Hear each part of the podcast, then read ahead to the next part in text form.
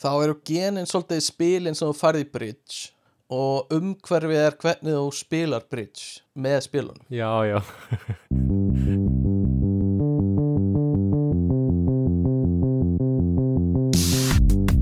Halló er eitthvað að frétta? Já það er ekkert að frétta. Já það er ekkert að frétta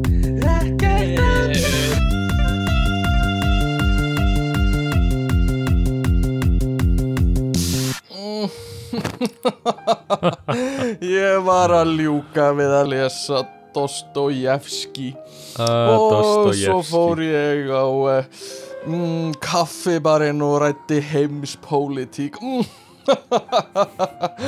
ah, framúrskarandi ég rætti allar þessar nýmóðin stefnu uh, Ói Stefán, hættu. Hættu. Mm, ég fattaði bara þegar ég var svona að byrja ég veit, ég, ég er ekki einu svona ég veit ekki einu svona hvernig ég á að feika það að hérna, Ég veit hvernig þú feikar það. Að hvernig? Uh, Með því að ljúga að fólki í podcasti sem þú heldur að mm. þú sért með heimsbyggjibók alltaf á náttborðinu. Mhm, mhm, mhm uh, Ég samt ég, Já, ég laug ekki uh, Nei, nei, þeir gera það nei, aldrei. Nei. Þeir gera það aldrei. mhm. Nei, nei, nei, nei. Ég hef aldrei, aldrei logið að hlustundum uh, Sko, velkomin, velkomin Mjög gott að vera komin tilbaka. Ég, Já. Mhm. ég var varst- alveg Ég hafði bara mjög miklar áhyggjur eftir að ömulega þáttin eitthvað í síðustu viku Þegar ég var ekki með. Afsakið. Ógeðslega lélu, veistu að ég, ég táraðist í morgun því ég sá eitthvað að væri partur 2 mm að væri annar partur af sama ömurlega þættinum. Býtu, afsakið, má ég byrja um að endur taka þetta? Var þetta eitthvað fyrir neðan þinn standard? Ha? Hmm. Nei, ég er að tjóka, ég hlusta ekki. Ég hlusta aðeins á byrjunna uh, Ok, Þannig að ég, og mér fannst hún mjög skemmtileg. Mér fannst Já, sérstaklega ok. gaman hérna þegar þið voru að tala um einhver sem listamenn. Já, já, já, já Og mér fannst sérstaklega Þú sé, auðvitað kúast Segðu það bara. Segðu það, nú skammast ég mín Og ég á ekki eftir að segja neitt restina þættinum. Mm, Sérðu hvað ég er með brotætt ego hérna? Nei Hvað sko, er það? uppáldið mitt var þegar Mm. Tommy sagði línuna sem ég skrifaði hjá mér því mér fannst það mjög fyndin hann sagði, þú sagði, Tommy myndur líta á því sem listamann? Já. Og hann sagði, ég myndi ekki skilgreina mig sem listamann uh, að, það sem ég hef ekki gefið neitt út. Já, það er því hann er skúfuskáld Þú er með alla listina sína. Og hann í skúfu Já, en ég meina ég teiknaði líka myndir í leikskóla. Er ég þá eitthvað svona Mhm. listamann sem er bara, þú veist Ö, Bara við verðum, 100% við verðum að setja mörkin miklu, miklu fyrir heldur en að menn geti verið búin að skrifa 30 blaðsýra Mm. bók og allir fara að Mm. kalla sig svona semi-listamann. Mm, Ok, ok Þú veist, við getum rætt þetta fram og tilbaka aftur En uh, þá verður Ég hins vegar, ég hins vegar. Er þú listamæður? Ég myndi kalla mig listamann. Mm, á marganhátt ok Ég hef snert á öllum öllum Ég sviðum lista. skil, Ég skil, ég er sérstaklega hrifin að högmynda stittuna þínum. Já, sem þú ert með út um allt. Já, og gjörningalistin sem ég ég er með á Mhm. hérna já, Mhm. á Þegar þú TikTokinu ferði í kallaklefana og byrjar að byrjar að syngja Byrja- í kallaklefanum í sundi. Já, og svona reynir að fá allir sturtinu með þér svona. nei, en þetta snýst ekki um að fá með sér Stefán, þetta snýst bara um að Ah, tjá. ok. Þetta snýst, já, bara um að tjá Já, Tjá, hérna, ángistinni í hjartanu. Uh, Já, auðvitað. Og hérna, þú ert listamæður Og ég kann að meta svona, bara svona hreinskilni Bara að þetta var lélögu þáttur. Nei, ég var að djóka með lélegu þáttur. Ég bara veist, því að Nei, ég, ég skil það, gummi, ég, skil, ég skil það, þegið Nei, Og mér, hérna, mér finnst lumur að klára Og hérna, ég reyni að skýla ykkur Hérna meðstjórnendunum mínum Frá öllum vondu kommentunum sem við fáum Nú, og hérna ég reynir bara að vera með breytt bak og hérna og taka þetta á mig. En- uh, en það er sárt þegar það kemur sko frá innanbúðamann já, beint í bakið. Að hérna ljót komment sko. En hérna ég auðvitað tek því sko. Allavega segðu mér eitthvað. Ok, göldur, göldurðin um, hérna já, uh, bara þú veist fín, fín, fín veka ég er hérna ég er að koma beint úr, úr ræktinni að taka upp. Ég, mér fannst eins og allir ætti að þurfa að vita það og hérna, Já, þú Uh, alveg, þú liftir alveg það já og hérna, uh, takk fyrir að spyrja ég kann að meta. Og uh, já, er svona, er svona að reyna að að ná áttum hvað er Já. í gangi en segðu mér, hérna, að því ég veit að þú varst uh, á haugafyllir í og varst ógæðslega fullur var, Uh, ég var einn, ég drakk alveg ógeðslega mikið sko. Úf, segðu mér sko. frá því. Segðu mér hvað, hérna, hvernig þetta var. Já, við Hvað fórum sem sagt eins og fræktur orðið vinnan saman í skíðaferð. Já, og þetta var sem sagt, við, við keirðum til Austuríkis sem er náttúrulega fyrsta bylun sko. sko. alveg. Og, og veistu það sko, hollendingurinn kifti sér ekki upp við það að það væri verið að þú væri að fara að keira til Austuríkis, það var bara þetta verið svolítið eðlæsti hlutur í heimi að keira í 13 klukkutíma þetta er náttúrulega bara fáralegt sko. Já, fram og tilbaka og keirum við í 13 klukkutíma til að gista í, hvað erum við? Við erum í þrjára nætur, þrjára nætur og það er, þú veist, Já. 26 klukkutíma sem fari í keislu En allavega, þetta var ákveðin bilun en reyndar gekk Mhm. alveg svona furðu vel þetta, var, að, þetta er ekki alveg og að keira sko bara á hérna, vopnafjörði eða eitthvað sem Ok. mik, að þetta er bara hraðbröð þetta er bara rúta, þetta er semi bara þú ert svona, þetta er bara svo sitt inn í herbyggi í 13 klukkutíma skilurðu. ok, ok já, þannig að þetta var allt í læg uh, og já, svo var það bara stemming og mhm svo voru bara skýða og drekka og þú veist, það er ég var svolítið óviss fyrir ferðina, ég var svona, já, veitir hvernig verður stemmingin, verður þetta eitthvað svona eitthvað svona, já, Mhm. þú veist passa sig því yfir menni er þarna og eitthvað svo leis, já, einmitt, mega sens já. Nei, nei, bara fyrsta kvöldi sem við mætum þá er bara Mhm. CTO-in og CEO-in fara bara á barinn og þeir eru bara að dæla út jagerbomb skotum. Og eru bara vel í því sjálfur já, og settu svolítið tónir fyrir ferðina þannig að þetta var, ok. Já, og þetta var mjög skemmtilegt fyrst og fremst vinnuferð. Já, er það ekki? Og, og, og skíðaferð, fyrst og fremst já, það var Hvern- þetta fólk skýð, fó, ótrúlega, fólk reif sig upp sko alltaf á mótnana, eins og fólk gerir í Mhm. skýðunum sko, já, einmitt einmitt, ég man einhvern tí- einhvern tíma þegar við vorum á Akureyri í skíðaferð í, í háskólanum. Já, um, og við vorum með einn strák sem var, er svolítið skíðastrákur sem var með okkur, Hjalti já, og hann var bara, ég ætla að fara að snemma á morgun í fjallið, sko. Já, já. Sem ég fannst bara glórulaus hugmynd, sko. Bara einmitt, þunnur og hérna og þú, þú, þú veist já, þetta er það var svo mikill miskilningur að skíðaferð þurfi að vera ykkur að þú þurfi að skíða eitthvað, sko. Já, nei, en það er samt líka mikill miskilningur sko að þú þurfir eitthvað að sofa og vera þunnur heima sko, að að veist Já, ok, já, já, já, ok, já, ég skil. Hvað, ég Já, skil, já, ég, já, já, þessi viðbygg, ég já. gæti ekkert lesið í sviðbröð skil Líka hvort það var fattaði kalt það hanni Nei. ah, Já, já, já, já, máli er þú veist að mm, þú veist, þetta er þingum meðal að fara bara út og Mhm. skýða og vera bara Mhm. eitthvað svona bara eitthvað út í góða veðrinu og svo er svo stutt í fyrsta bjóra þetta verður einhvern veginn svona endalist ringar á þess að drikju mm -hmm, Tókstu hérna TikTokið sem er eitthvað svona uh, Hvernig er það? Þú ert einhvers stærinn á skrifstofu og segir eitthvað svona uh, Það er eitthvað lag í gangi og svo svona dabaru og Já, já, já, svo köttaru og þá ertu með Einmitt. jagerskot í munninum í skíðaliftinni og svona. ég hefði átt að gera það. Take, eitthvað, ég man ekki hvernig lagi hljómar. Og hvað ég sé eftir því núna? Take me eitthvað to the good cut. Já, þá ertu mættur í skíðaliftinni Já, já, einmitt. Já, einmitt, einmitt. Já, já, ég hefði átt að gera ég sé ógislega Mhm. mikið eftir því núna. Ég verði eiginlega að fara aftur. Mhm, en allavega, ég, þetta var bara ógislega gaman og mhm, ég sá bara ef það er eitthvað fyrirtæki eigandi að núndi Já, opbóðslega góð fjárfesting fyrir fyrirtæki. já þó sért með 40 manns að borga hótel og skíðapass og ferðamáta og ert að kaupa Mhm. drikki og njalla og mat endalaust. Mhm, þau segi bara þetta er, þetta er, ó, þú veist, þetta er ótrúlega góð svona bonding leið fyrir heilan vinnustað. Einmitt, og fara öll saman sko.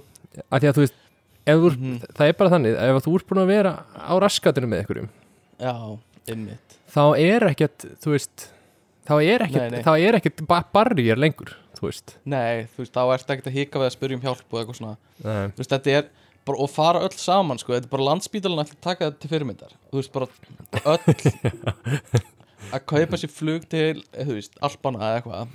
Já, og bara taka bara tíðust saman skilur við rettum okkur í, þú veist, viku hérna á Íslandi. Já, já, já.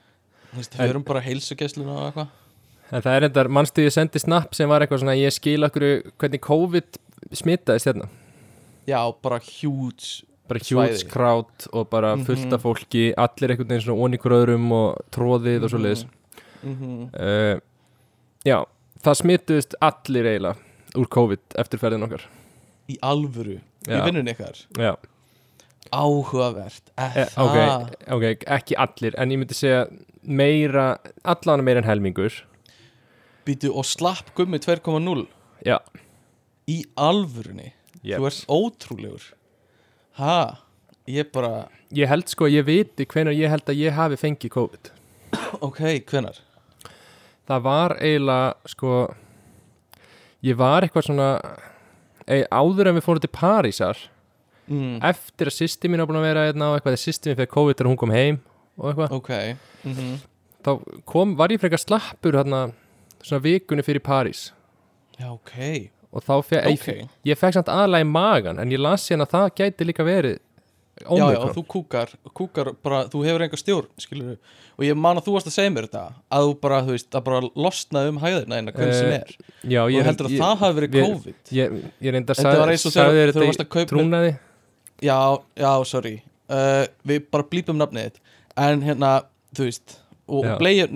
Þú veist, sem þú varst að kaupa það hljóta að hafa hjálpað. Mjög áhugavert og heldur að það hafi verið COVID.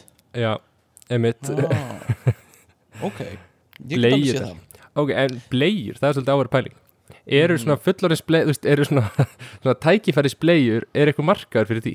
Já, Það meini- Nei, ekki, ég er ekki að tala um gamalt fólk sem er með blegi Ég er að tala um, bara, þetta eru tækifærisbleiur nei, þetta er, þú veist, fólk á jamminu nei, fólk sem, þú veist, hættu. er að býða í löngum röðum Nei, eitthvað svona. Þetta, eru, þetta heita tækifærisbleiur og þetta er nota bara miklu meira en það heldur sko. nei, segðu mér satt. Mm, já, ok. Já, ég hef ekki hugmyndu það uh, en það En gæti ég- alveg verið. Já, ég held að þetta sé alveg þú veist, þetta er í fyrsta lagi gamla fólki notar þetta. Já, og því finnst þetta bara gaman, skilur. Þetta er bara stemning fyrir þeim. Já, já uh, en svona við hinn sé ég kannski ekki beint af hverju við ættum að nota þetta sko. En kannski eins og, eins og, þú veist, langar raðir, slúið góða punktur. Já, ok, já, já Þú veist að býða eftir nýja Apple símanum með eitthvað? Mm -hmm, eða þú veist á Íslandi Dunkin Donuts er skilur, svona basic uh, já, alveg pottið sko. uh, hvort myndur þú veist hvort myndur vera með þvagleg?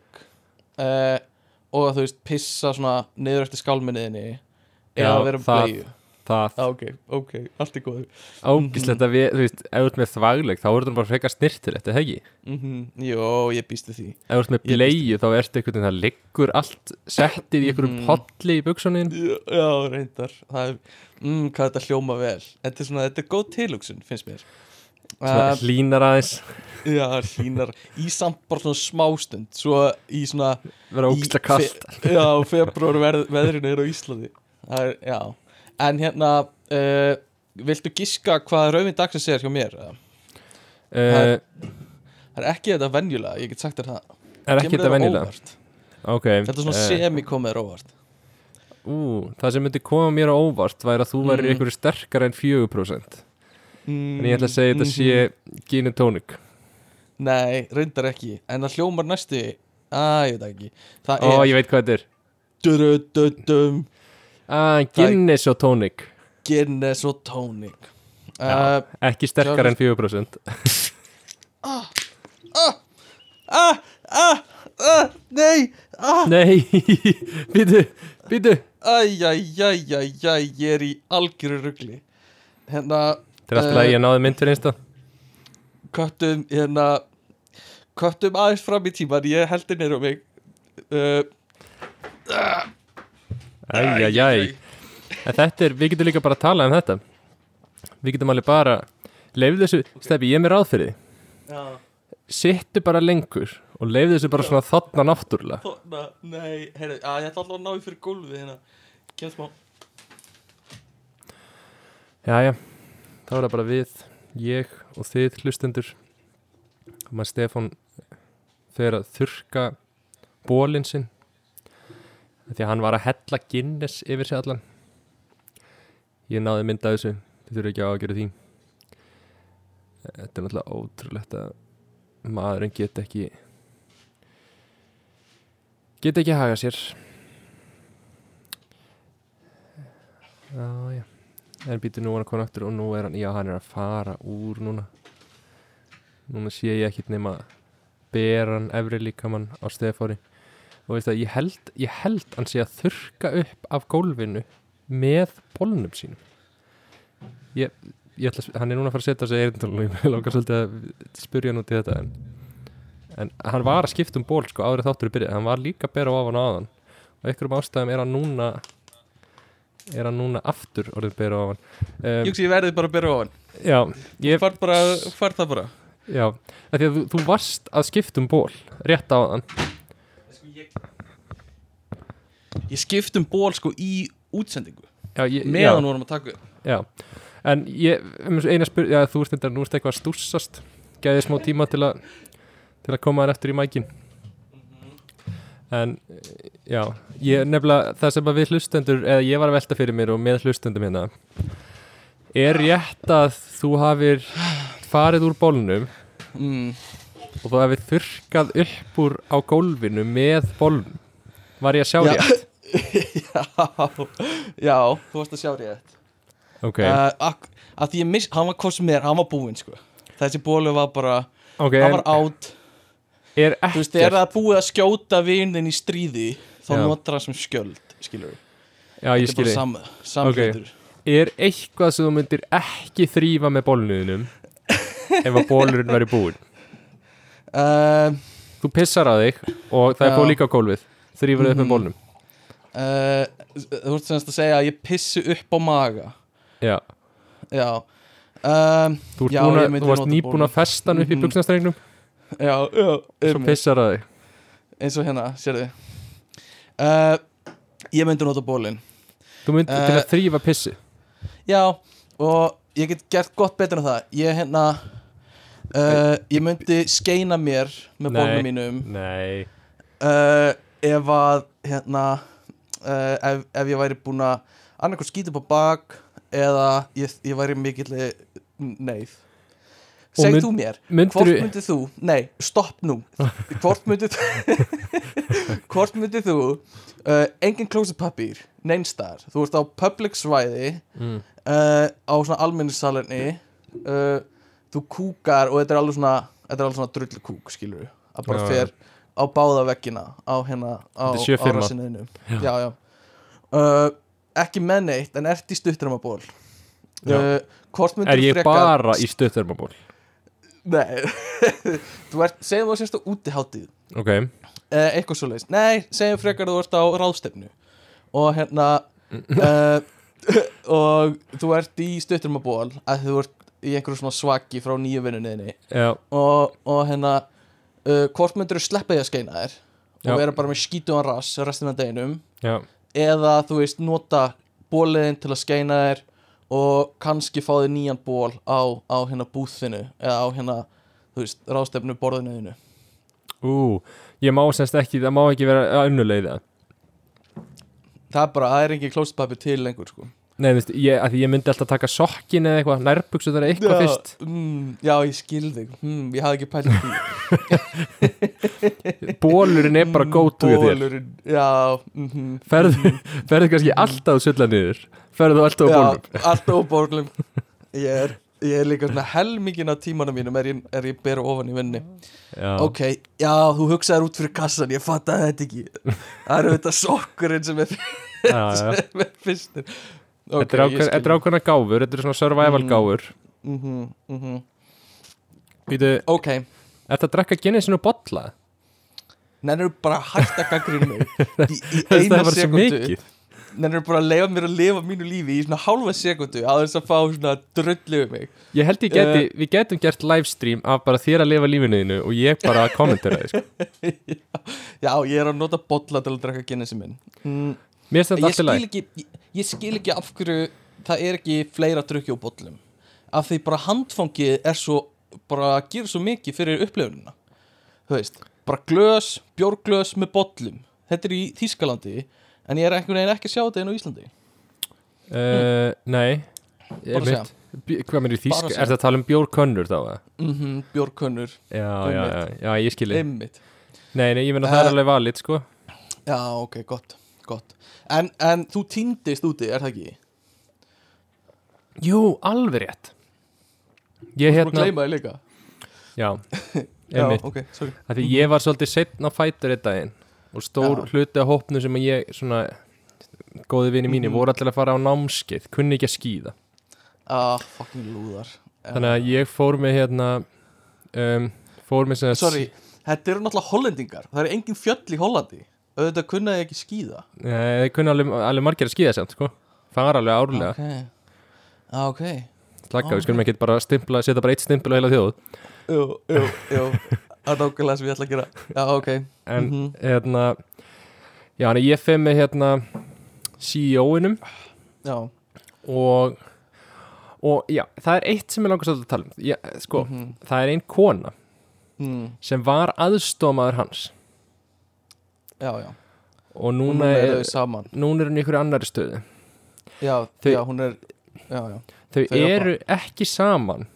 Nú, en þau eru samt mér líður eins og þau séu saman.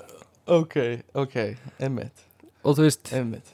ég, ég veit Mhm. ekki hvort það er að því ég er búin að horfa á ómargar bandarískar bíómyndir og þau eru bæði Mhm. bara mjög myndaleg þannig að þau myndu vera mat, skilur Já, ég skil, þetta er svona Jim og Pam vibe, eitthvað. Já, þetta er svolítið þannig. En bæði, þú veist, hún Mhm. á eins og hálsa spann og hann á tvo krakka nýja og sjö ára og bara bæði gift og eitthvað. Já, en það er eitthvað við bara, þau eru þú veist, það er eitthvað, það er eitthvað orka hana það er eitthvað orkaðan og ég er ekki svo Mhm. eini sem hugsaði þetta sko. Ok, áhugavert.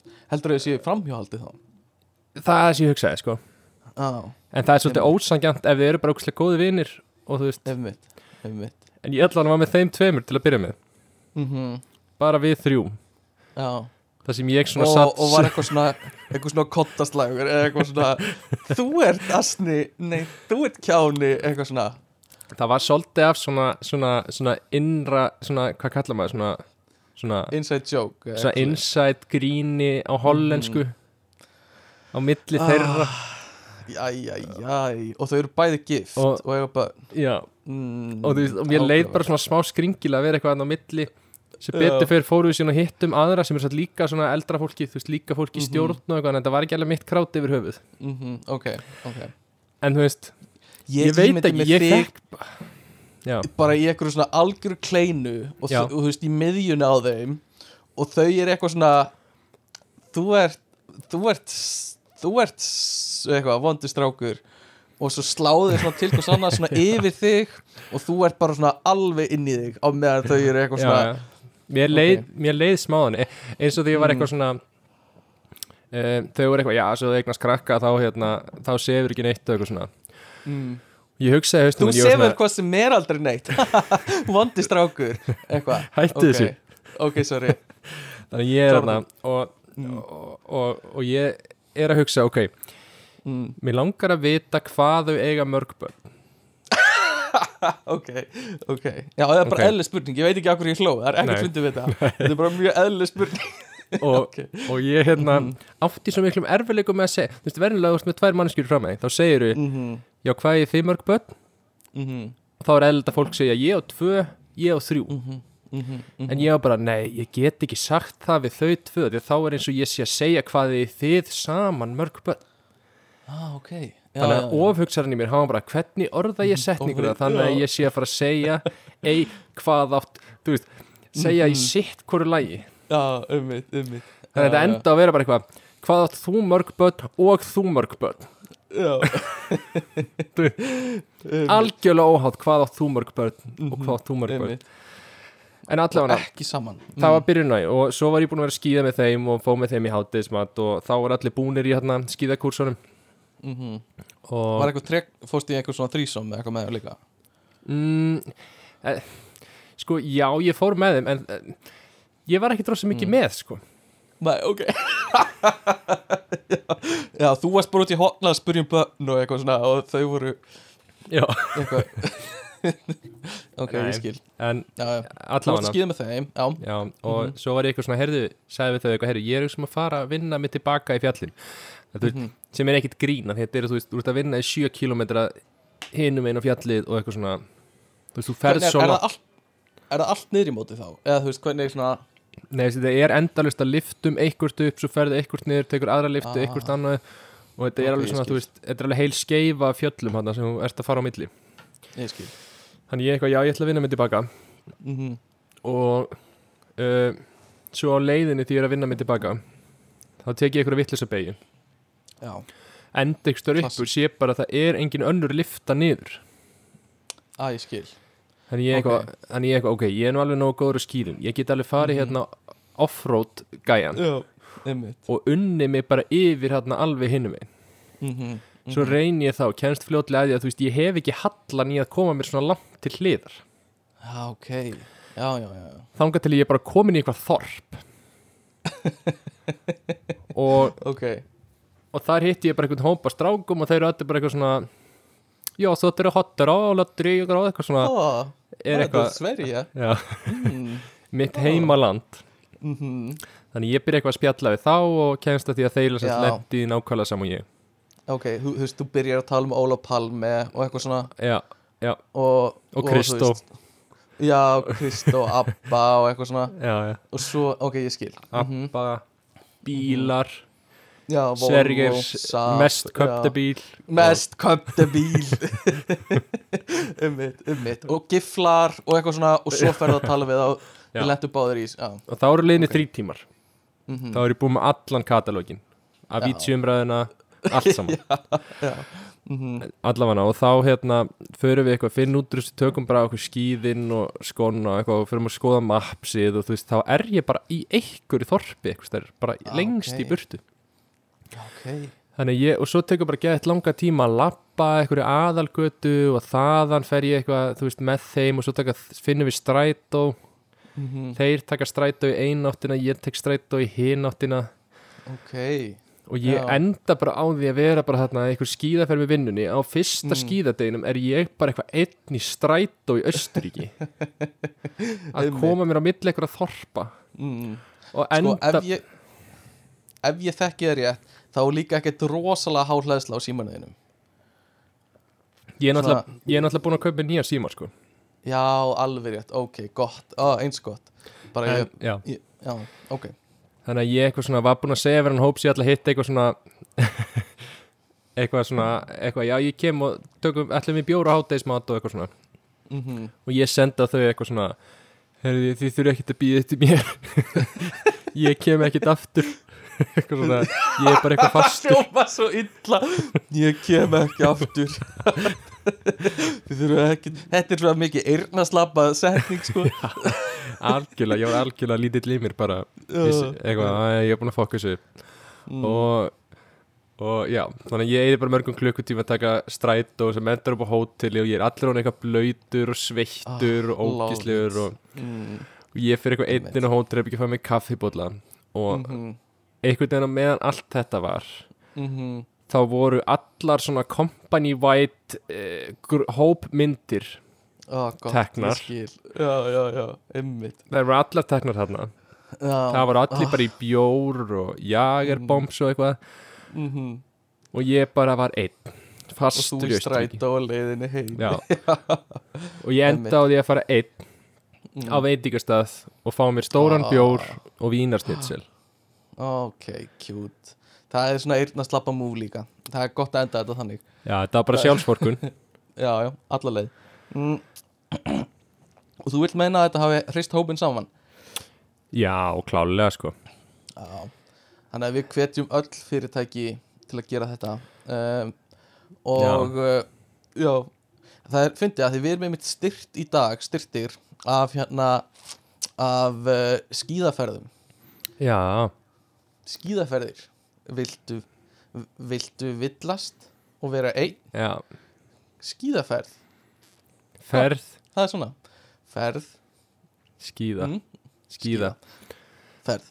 Ymmit já þetta er Þannig að þetta var svona Þetta var náttúrulega svona það sem aðal sem gerðir í síðustu viku, er það ekki? Jú, Já, ég held það. Uh, já, ég held að líka. Ég held að ég er ekkert að segja meira. Ég held að það sé bara komið gott af því í dag uh, og hérna uh, þú ert svona málglaður í dag sé ég. Já, ábáslega málglæður opaslega málglaður. Ég uh, eins og vanalega fór í pott í vikunni eh, ég fór í sund. Já, og í, í Garðabænum í minn, minn heimapott það sem ég á heima. Í Garðabænum. Og í Garðabænum á ég heima heimapottur í Garða, heima í sundi heima í Garðabænum. Og uh, ég sé gamla kennara minn í pottinum frá því grunnskóla Já, sem já. kendi mér uh, einmitt í flugferð í starffræði Já, þú segir hæ og ég, ég, já, já, sko být bara, ég hérna við sitjum svona uh, alveg á sitt hverjum endanum í pottinum og svona hægt og rólega ah, þetta er svona smá asnalegt, þú veist þá svona ég svona færi mig alltaf svona einu sæti nær, skilur A- Af hverju? til þess að komast í spjallfæri, skilur Nei, já, af hverju? Ok til þess að komast í spjallfæri, guðmyndur Það hefur verið of hérna- aggressíft að taka bara svona þvera pottin og setja Já, til hliðar það hefur verið helvítið aggressíft Þannig að ég þarf fyrst að láta eins og ég þekki hana ekki sko. Og uh, svo sest ég við hliðin á henni og, og tek góðan tíma í það að láta eins og ég þekki henni ekki Þú, þek, þú veist, maður verður Þetta er svona leikrit sem maður spilar sko. Já, Og hérna, ég bara tek ekki einu svona eftir henni sko. já, já, já. Það var góðu fyrir hana og, Já, já, ég er það Og uh, svo eitthvað svona, ok, nú er ég búinn að spila þetta leikrit svolítið lengi, nógu lengi Þannig að ég eitthvað svona Hún heitir Elena Og ég eitthvað svona lít til hennar Hún er með einbendinguna sína eitthvað staðar út fyrir pottina að horfa á hérna, Já. krakkan sinn sem er að leika sér Svona hafa auga með honum Og ég svona horfi svona inn í pottin Og segi bara svona hátt og snjált Elena, hæ Býtu, hvað verður hátt og snjátt? Ertu ekki við hliðin á hana hana? Já, já, ég, ég, það er svona smá kleður og hún sko, hún, hún, hún það er ekki eins og smá viðbrögð þannig að núna lítur svolítið út eins og Ah. ég sé bara í miðjum potti að kalla bara svona Elena Elena eitthvað svona en, það er engin viðbrögð frá neinum nema kannski, það er svona nokkri sem svona horfa á mig en hún bara ekki neitt sko. Ok, og þá fer ég inn í mig og eitthvað svona, ok, ég laði allt mitt á mörgum já, og fór svona, ok, ég, ég bara, ok hún vill ekki tala um mig. Og, en svo, einhvern veginn, svona safna ég kjarki aftur og eitthvað, núna heyrir hún í mér. Núna segi ég e, hérna, hæ? En á nákvæmlega sama tíma er einhver, einhver kall í pottinum sem fer að tala við hana. Þannig að ég segi, hæ en, en einhver kall sem byrjar að tala við hana. Já, þannig að aftur er eins og ég segi bara hæ, einhvers staðar í pottinum við engan. Og þau byrja á einhverju hörkuspjalli. Þannig að ég er svona tvisar búin að setja mig út hérna og fæ Ok. engi viðbröð frá henni. Uh, og, og svo segi ég, ok, nei, ég er búin að komitta í þetta. Og gríp bara svona eiginlega inn í spjallið og segja hæ, hæ, hæ Elena hæ Elena. Og er orðið svolítið aggressífur. Ok. þannig að þá næ ég viðbröð hérna, hérna næ ég frá henni einhverju svona viðbröðum og þú veist ég er náttúrulega semi-óþekkilegur þannig að hún man ekkert hver ég er sko, sem bætir svolítið gráan og svart. Uh, en svona þykist eitthvað já, já, jú, auðvitað, ég var að kenna þér já, já, já, já, ég man samt ekki hvað heitir segir hún, og ég sé gegnum þetta strax hún veit ekkert hver ég er sko. Og, og hérna og ég segi, ég heiti Stefán. Og hún segi, já, já, auðvitað, ymmit, já, já, já, já. Og svo förum við á svona mesta smóltok sem ég hef farið á. Og allan tíman er ég að hugsa af hverju ger ég sjálfum mér þetta? Að búa til þessar aðstæður þegar ég Já. hefði auðvitað geta sleppt í Já, Uh, já, já.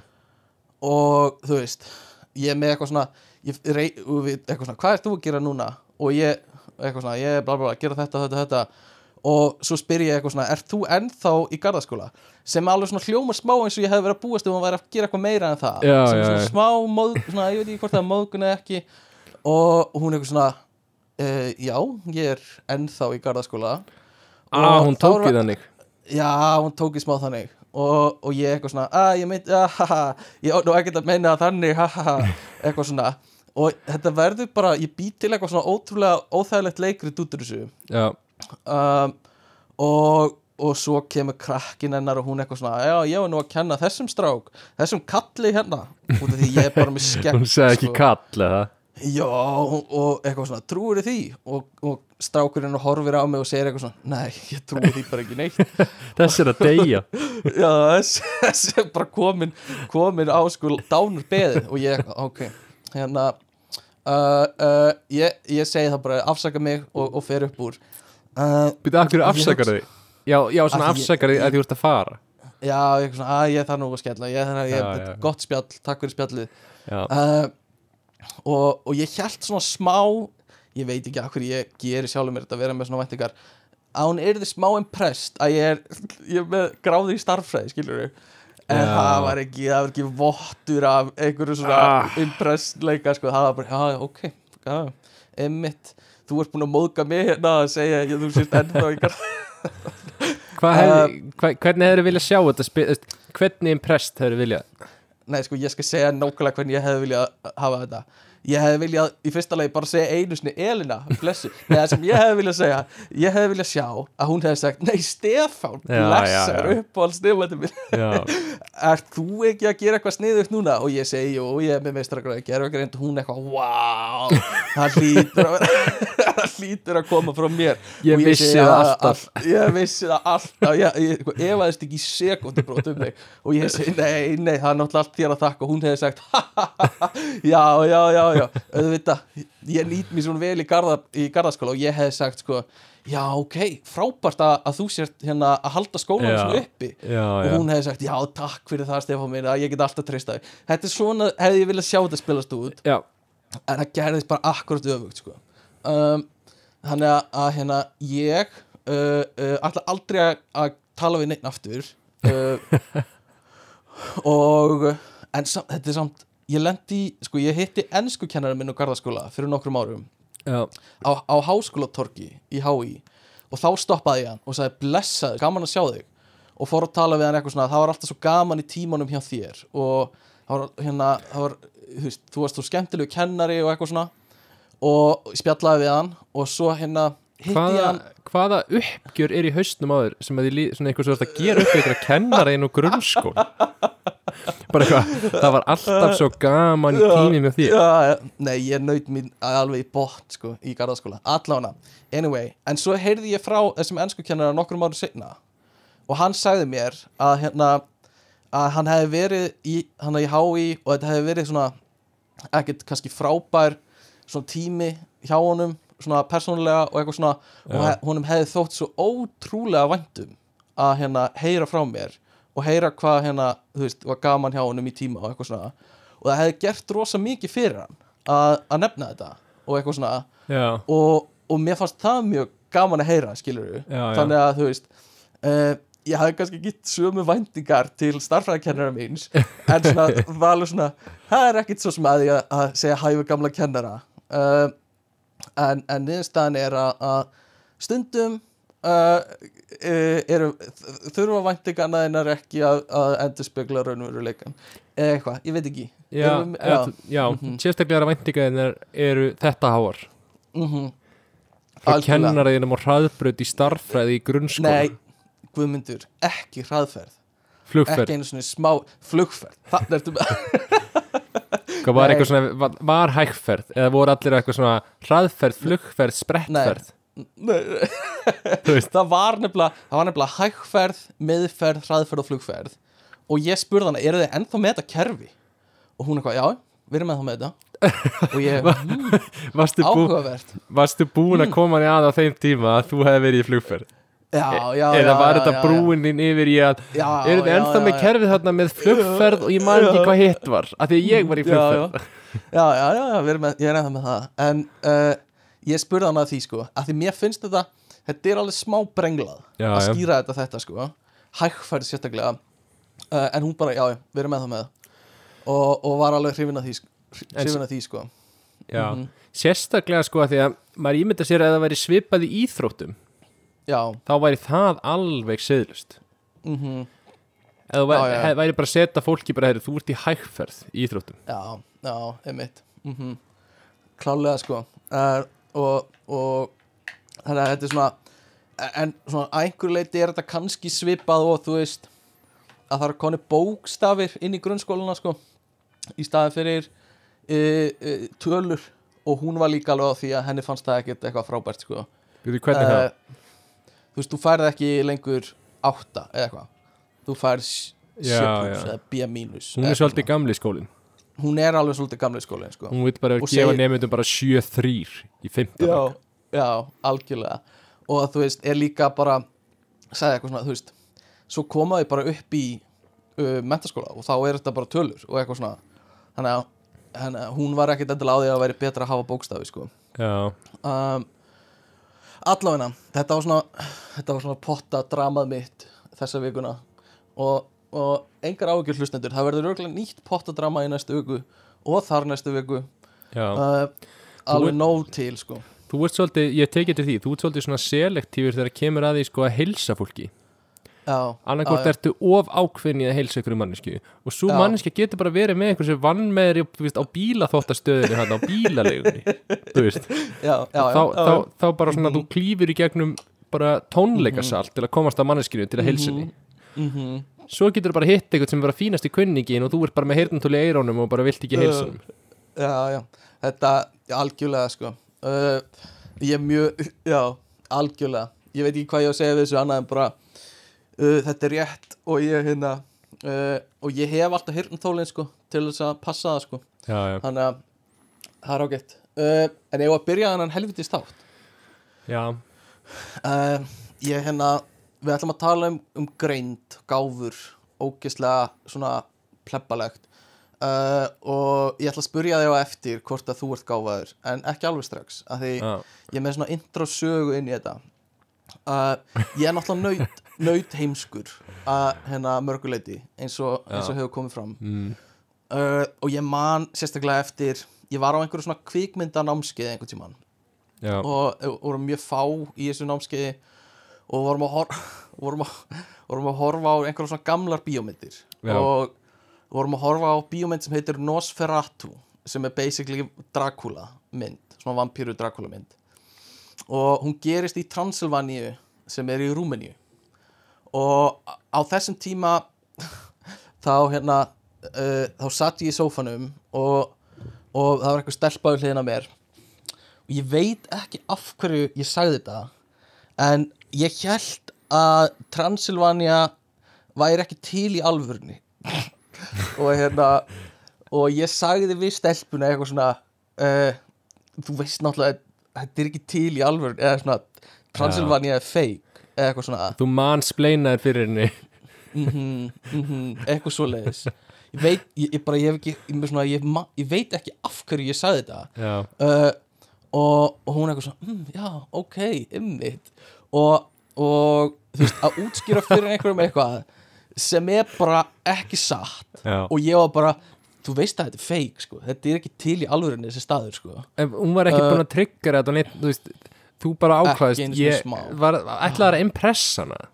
Ég veit það ekki sko.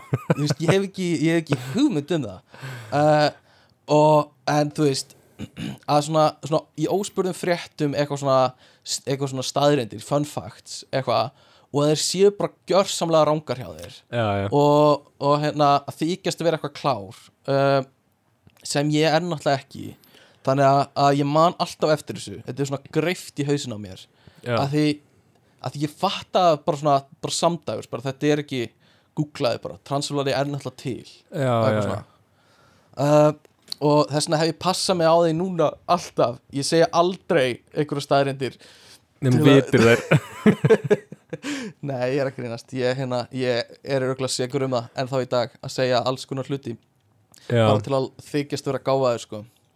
uh, en það færir okkur inn í þe- þetta umræðefni sko, e, gá, að vera gáfaður uh, myndur þú segja Já. þú, þú veist, gáfaður gaur já, klár kall já, sniðugur snáði, já, vitur vinur, uh, já djúb hugsa dutti ég myndi segja það mm.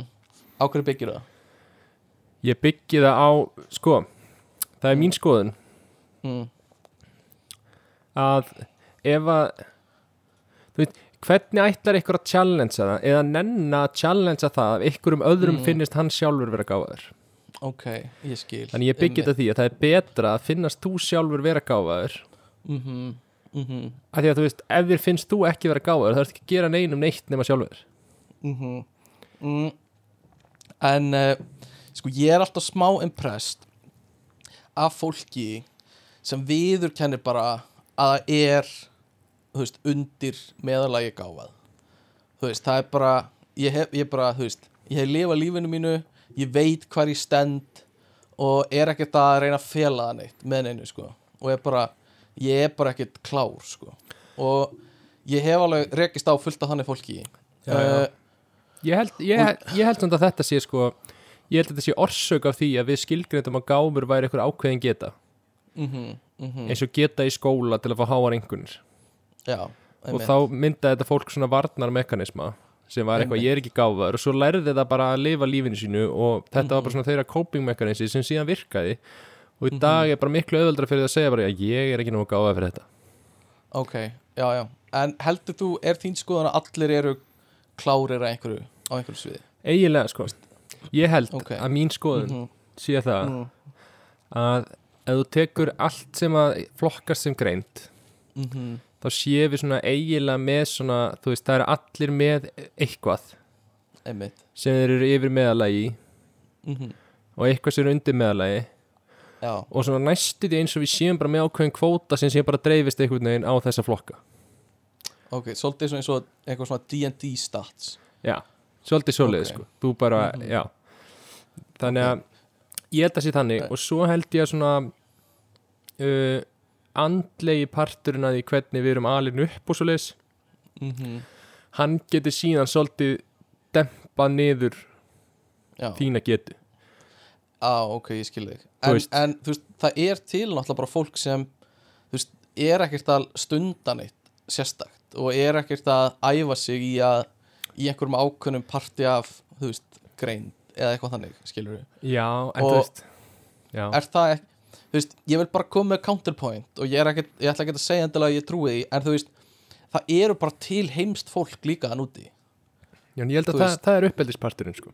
Umhverfið og Ok. uppeldis og elst upp í ég held að fólk, Ok. þetta fólk er ekki heimst bara því að það er genetist heimst nei, en það er bara heimst af því það er heimst skilur við það ekki kannski, það þarf ekki að vera heimst skilur við, það Nei. þarf ekki að þú veist, það gæti, gæti hafa haft áhrif á uppeldis eh, ekki endilega það, eitthvað hefði geta haft áhrif á uppeldið þeirra til þess að, þú veist, styrkja það sem þeir eru sterkir, þú veist, styrkleikana þeirra hvort sem það er eitthvað svona en það gerir það ekki sem verður til þess að það er heimst skilur já, já.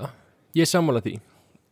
En þá er það ekki þú veist þá er það ekki þannig að þú ert gáfa þú veist þú hefur kannski þú hafðir potensialið í það eða hefur í það til að vera gáfar einhverju leiti en þú ert það ekki. En ég held sko að þú hafir það ennþá. Það er bara búið Mhm. að bæla það Þú veist, það er búið, búið að loka á það með Mhm. uppeldinu og umhverfinu sem þú fekk Þannig, ég held þú sért ennþá skilur Þú getur verið í heimskunni Þú er kannski ennþá, þú veist, hefur hann hæfileika Það bara reynir ekkit á hana því að búið að blokka á hann Skilur, einmitt, einmitt. Þú veist, ef þú ert að geða eitthvað tilfinningagreind mm En það er bara eitthvað bara búin að nýðast á þér í, Þú veist, andlega og bara -hmm. segja þér Mhm. ekki tala Mhm. við þennan og þennan og eitthvað veist, þá reynir aldrei á að þú færði raunin að nýta þessa Algjörlega. greindinni algjörlega og, og veist, ég er, ég er 100% sammála því og ég er, ég er mjög sammála í að veist, allir hafa potensial í að skara fram úr á einhverju sviði uh, en ég svona sannleikurinn er samt sá að það er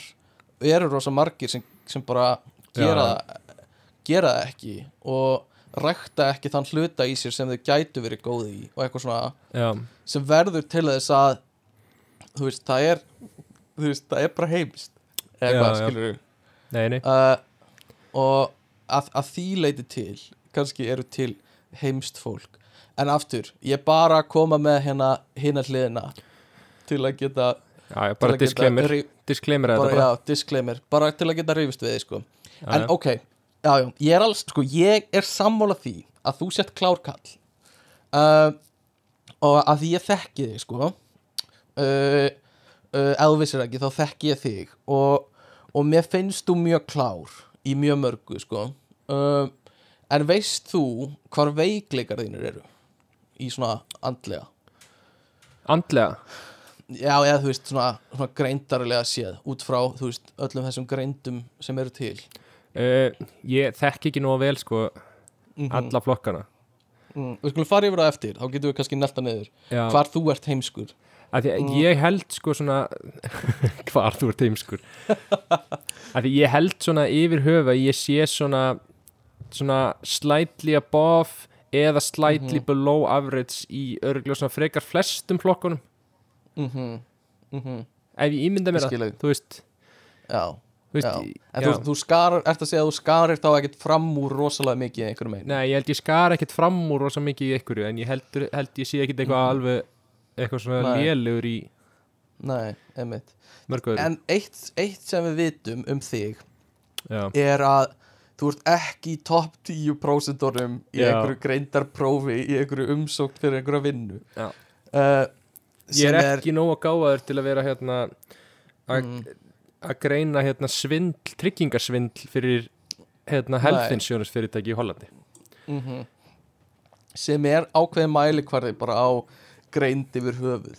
Já. hvort þú getur greint tryggingarsvindl uh, þessi En- skalin er bara miðað við mastasnema Já, ummitt Sko, er ég gáfaður? Takk fyrir að spyrja. Um, Hvar, hvern á ég að svara þessu?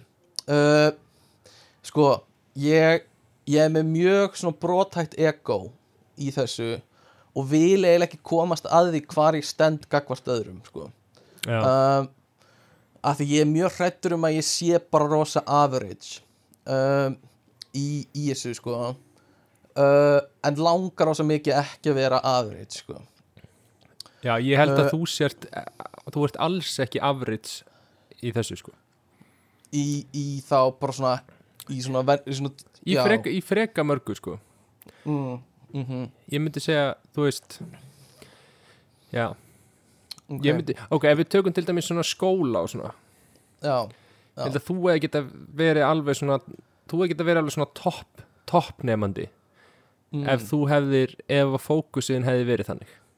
Ég skil ég held að ef orðið er að falli að já. þú hafðir sko, það var svona partur af greindinni og, og hérna motivationinu var svolítið líka félagslegt og, mm -hmm. og kannski listaparturinn og eitthvað svona sem að mm, Mhm. gerir það að verkum og þú, þú nefndir ekki alveg bara ef það er nefnt bara sökkaðir í starffræðina skilur já, já, já. Ég kann rosa mikið að meta þetta sko. Þetta er alveg svona límir saman eitthvað mitt. Uh, en þetta er svolítið þá kannski eins og eins og bróði minn er, er mjög klár gaur, er mjög gáðar gæi. Eitthvað. Og hérna og hann fór akkurat þessa leið sko. Stö, sökk sér alveg djúft í starffræðina sko. Og, og hérna og eðlisfræði og eitthvað svona og var bara skaraði virkilega mikið fram úr og gerir það ennþá skilur í þessu. Uh, og, og þú veist, ég hugsa hann, hann er miklu klárar en ég í mjög mörgu. Sérstaklega þegar kemur að svona rauð, raunvísindum sko. Er, er, er, það, er, er þetta ekki svolítið þú veist, þetta er svolítið svona þú veist, ég veit mér líður eins og ef, fólk skarar mjög mikið fram úr í einhverju einu, er þá ekki eitthvað Mhm. annað sem þú ert alveg, þú veist er ekki svolítið fínt Já. að vera bara meðal af því þá ertu bara einhvern veginn Mhm. það er tilfinningagrindin og rökfræðin þín og þú veist, allt Mhm. þetta er bara svolítið á góðum stað já, jú, það er alveg góð punktur og ég vil ekki fara að eitthvað svona að telja upp hvar ég held að bróði minn uh, vanti gáfurna sínar uh, þú ert með eitthvað Uh, í huga? Uh, Nei, já, ég veit ekki Ég vil ekki vera að segja það ómikið. En hérna, en hann skara fram úr Mjög mikið í ákveðnum hlutum sko. Og ég geri það Þú veist ég, En ég, ég er meira Þú veist, þú veist Svona með, með statin mín Þú veist, ef ég hleða á einhverjum svona greindapunktum Held ég að ég hafi dreifti meira heldur en tryggvi. Já, sem sagt. Uh, á þess að ég vilji, vilji eitthvað svona neklaða niður. Uh, en ég veit bara að, að í ákveðnum hlutum er ég ekkert vissum að séu margir á Íslandi betri en bróður minn skilur þú, í já, um, og, og þú veist, það er alveg impressive að einhverju leiti um, en þú veist, við erum líka mjög mismunandi ég og Tryggvi þannig að ég, eins og þú segir, ég fór í svona listatengt og ég fór í félagslegt og eitthvað svona sem Mhm. hann gerði ekki sem er mjög svona áhugavert að skoða bara hvernig líka þetta er svona einhvern veginn umhverfi sko. Uh, og en líka eitthvað sem útskýr svona lýsi persónuleikanum okkar tryggva svolítið er að hérna þegar við vorum litlir að leika okkur og eitthvað svona uh, fórum til dæmis oft upp í sveit þá, þá var svona ís á læk sem er nálægt sveitinni og vorum svona leika okkur á ísnum og eitthvað svona. Já, og hans, hann sagði eitthvað svona far þú yfir á Já. undan til að Já, já. tjekka hvort að hérna, hvort það sé örugt og ég var bara, já, til það. Hérna, bara láta vaða. Já, en já. hann var svona passífur alltaf bakvið, eitthvað svona já, já, Hérna- ég takt þú áhættuna og ég hérna alltaf aðeins að chilla Já, uh, og, og hérna þannig að það getur haft svona áhrif umhverfistættinu líka sko. Uh, en hvort heldur að hafa meiri áhrif? Gen eða umhverfi? Svona afgerandi áhrif. Sko Mm. Ég held að Ég held að sko, e- ef við tökum svona, það sem við vorum að tala um á þá held ég að gen Mhm. séu sko, það er startpunkturinn sko. já mm þess vegna held ég svona að vera þú veist, ég myndi segja að ég væri mjög sáttur með þess að ímynda sjálfum mér að ég sé svona meðal þú veist, -hmm. er, Mhm. yfir meðala í sömu undir meðala í öðru já ég held að það sé Já. mjög góður startpunktur mm því þá held ég umhverfið og uppeldið og hvað þú gerir og hvað ákvarðan þú tekur getur svolítið, þú getur svolítið valið þú veist, já, meira hvert þú ferð. Þannig ég held að Mhm. genin spili stærri hátt. Já, stærri þátt. Mm en, en hérna já, en umhverfið hafi líka Genin mikið er- áhrif. Já þetta er svona til þess að, til þess að útskýra þetta á málu sem þú skilur þá eru genin svolítið spilin sem þú færði í bridge. Já, og umhverfið er hvernig þú spilar bridge með spilunum. Við að tala um það? já. Já, já, já. Já, já, fuck it. Uh, já, sko ég já, maður sér ég veit ekki hvernig maður á að tjá sig um þetta sko, uh, að því það er náttúrulega alls konar blend, blöndur af þessu til.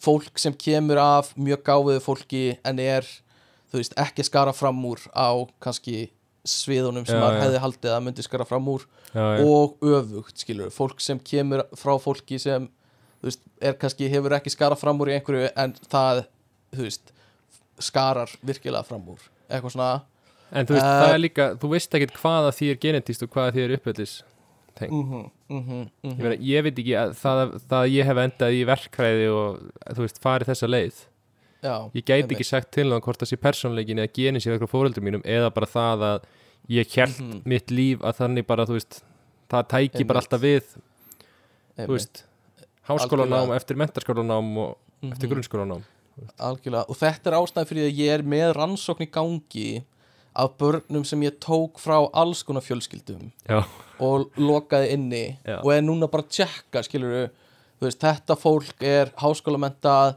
og eignast þetta bara sem ég tók skilur og lokaði inni Já. og er að skoða núna hvernig það er að ganga og ég get byrt niðurstöður eftir svona 15 ár uh, og, og hérna er mjög spenntur að sjá sko. uh, eins og er þá eru þú veist þá eru engi, ekkert byrjað að tala sko. þannig að getur rosa lítið og sagt hvað eru liðið mörg ár? uh, fjögur ok, þannig að börnin eru, þú veist, sex ára núna. Já, já, já. Uh, ég veit ekki hvort það er að því, þú veist ég fer aldrei til þeirra og leifa þeim bara svolítið að vera inn í búrinu. Já, já, uh, en, en ef þið byrja jú, sennilega, allavega. Uh, já, gáfur, erðar eða lærðar. Ég er svolítið hrifin af lærðum lærðri greind, sko. Já, og hérna að, þú veist það er náttúrulega alls konar hlutir sem geta haft áhrif á það. Þú veist, hvort það eru e, þú veist, ertu með eðlilega heilastarfsemi? Ertu með einhverju svona greiningu á eitthvað svona dót uh, en þú veist, ef þú leggur þið fram þá held ég að þú getur þjálfað upp rosa mikið af greind sko, og hérna ég held bara að sé svo, þú veist, mér líðin svo sé svo opbáðslega mikill munur á því hvað fólk þarf að leggja sér mikið fram. Mm og þú veist, það er bara eitthvað sem, sem hendar þér betur skilur Já, og eitthvað já. sem þú liggur betur fyrir þér og uh, en ég held samt að þú þurfir að veist, leggja stund á það. Veist, ég held að sé ekkert þannig að þó að þú sért rosa tilfinningagreindur já, já, uh, en ert ekki að, þú veist, ert aldrei í samskiptu við fólk. Já, já, held ég samt að þú veist þú, verð, þú skarar ekkert fram úr því nema þú, þú veist, því í því og hérna leggur stundu það. Uh, en hvað veit ég er ekki sálfræðingur eða rannsakandi. Uh, Nei, meina, það, er, það, er enginn að fara, er að fara að hlusta það er enginn að fara að hlusta á podcasti okkar og halda hann sig að fá alvöru Mm. skoðun hérna Nei, Hættu mér að Nei. disclaimer, það er enginn, það var held enginn að þú væri sjálfræðingur jú. Fólk heldur líka ég sé að þú veist halda einhverja rosa hörðu fram og trúið í rosa mikið Nei, eh, ég meina, hvað eigum að vera með podcastin og vera báðið bara eitthvað, já, ég veit ekki, þú eru nú ekki að tjá mig um það en, en ég held að Það er bara afstætt, Mhm. þú veist. Já, það er eitthvað góð punktur, ég ætla bara að láta það uh, Ok, ef við förum að hinn endan á spektruminu Já, uh, Manst eftir einhverju heimskulegu sem það hefur gert? Eitthvað svona Þetta var ekki sniðut Eftir að hekja. Eða, eða Eh, þú veist já, já, já, ég ger opvarslega Mm. mikið svona heimskulegum hlutum, sko. Mhm Mhm. Þú veist Já, ég veit ekki, mér finnst ég bara mjög oft gera heimskulega hluti. Já, mjög oft eitthvað svona sem sérst ekki, þú veist, já veist eitthvað sem ég geri heima hjá mér og svona mjög oft eitthvað heimskulegt, Mhm. þú veist. Já, einmitt. Brýt ekki Eh. lóan á mér og ætla síðan að setja það á pönnuna þú veist, Já, einmitt. Ertu með eitthvað? Já, ég veit ekki. Ah, Erum við lélegast podcast í heimi? Að því við getum ekki fundið neitt dæmi um eitthvað heimskulegt sem við höfum gert. Við hefum bara aldrei gert neitt heimskulegt. Nei, greinilega ekki. Uh, uh, Jó, ég hef, þú veist Ég bakkað á á vinnubíl og eitthvað svona. Og þá hugsa ég bara Hversu fucking heimskur ertu? Já, Akkur, já, já, Eitthvað svona þannig? Ég, Akkurru, heru, þú veist, ég hef meitt passar þetta sem ég gerði þér sinni. Ah, Það var hérna Ég heiti svona kortir í það að reyna sko að taka stað í brekku úr bílastæði. Mm, mm og alltaf því ég gaf í, gaf í bensin í botna eitthvað en þú veist ég náði aldrei að þú veist gripin, ég náði aldrei að lifta kúplingunni upp þannig að náði að taka stað. -hmm. Og svo renn ég, ég er alltaf að fara aftar og aftar og ég er með einhverju vinið mínu sem komur út úr bílnum og er eitthvað að segja mér eitthvað svona, já þú veist, út með nóg pláss eitthvað, farði hérna og eitthvað. Og ég er Mhm. alveg að panika. Já, og svo er ég bara búin að, þú veist, klessa framan og stuðar hann á hinum bílnum. Já. Og alltaf því ég reyna að taka stað þá bara, ég bíli mér að íta á bílinn fyrir aftan og eitthvað. Mm -hmm. svo fætti að ég er í bakkgýr ah, ég eitthvað svona já, algjörlega eitthvað svona sko. Og þú veist þegar þú ringir í einhver og uh, gleymir að þú sérst að ringi hann eða eitthvað. Ég veit ekki, þetta er ógislega lélegt dæmi. Hvað, það eru eins og við vorum að tala um á en hvern, Ákveðna nei, típ- býtu, áður að ferði yfir í þetta. Ok, ok. Fyrir ekki, ég sé, þetta, þetta, fór aðeins í því að ég trublaði þarna í miðri setningu. Mm, ok, ok. En sko ert svona, hver eru viðbröðum þín? Af því að, ok, þegar ég ger eitthvað heimskulegt mhm, þá ég skammast mín strax opbóðslega mikið þegar ég ger eitthvað heimskulegt. Mhm ég fyrir ógstlega svona astnalega vörn. Mm, og ég er eitthvað svona hausum ég fyrir strax eitthvað að finna þú veist ástæðu fyrir því akkur ég gerði eitthvað heimskulegt. Já, og eitthvað svona, þú veist, já, reyna að útskýra á raugrættan hátt og þú veist, Mhm. reyna að útskýra fyrir fólkinu sem er að hlæja að mér eða að grína mig fyrir að gera það, þú veist að það eigi ekki að vera að hlæja að mér, þú veist, hver er þín Mhm. Já, viðbröð já. við þú gerir eitthvað heimskulegt? Og Sko, það er mm, það er aðeins munur sennilega hvort ég er einn eða hvort ég er með einhverjum. Ef ég er einn þá hugsa ég bara strax bara, þá fer ég bara strax í eitthvað svona just fucking hálfviti ertu. Já, hvernig fucking dattir í hug að reyna þetta? Eða já, hvernig gastu klúðra þessu? Ok, Eh, mjög svona self-sabotaging mm, Umræða. mhm. og þú veist þetta er jafnvel bara eitthvað svona eins og að klúðra prófi eða eitthvað þannig. Já, já, og ég er bara hvað í þú veist hvernig þetta er ekki svona fucking flókið. Akkur gast ekki fucking náðu þessu? Eitthvað svona já, já, uh, ef ég er í hóp þá og skammast mér rosa mikið þá fer ég rosalega vörn líka sko. já, já, þá er ég bara eitthvað svona eitthvað svona heldur þú að þú getur betur? Eða eitthvað svona þú já, veist. já, já. eitthvað svona, svona, svona maður fyrir barnalega vörn. Já bara já og hvað? Hérna uh, eitthvað og verð bara pyrraður út í, út í þau og, og hérna og, og þá beinist pyrringur kannski að öðrum sko. Uh, veit ekki. Þetta er svolítið partur af þessu svona greindar óöryggi hjá manni að svona, Mhm, þú veist. mhm. algjörlega. Ma manni finnist maður verið í umhverfinu og þurft að berjast fyrir því að þykjast vera gáfaður. Mhm, og þannig er ykkur að challenge það sko. mm Já, og líka bara partur að því að þú veist, þú vilt ekki hafa ránt fyrir þér. Já, og þú vilt ekki vera heimski e, gæin í hópnum og Já, eitthvað já. svona. Uh, og þú veist, ég er alveg svona, ef ég ó, ef ég er svona self-conscious svona, í einhverju þá er það sennilega tengt einhverju svona. Já, já, já. uh, en ég veit rosa vel að ég er þú veist, það er fullt af fólki klárar en ég. Og ég er mjög meðvitaður um það. Uh, og þú veist veit að fullt af fólki sem er bara greindar en ég. Og í langflestu er ég bara viðkenni hérna uh, vannmátt minn.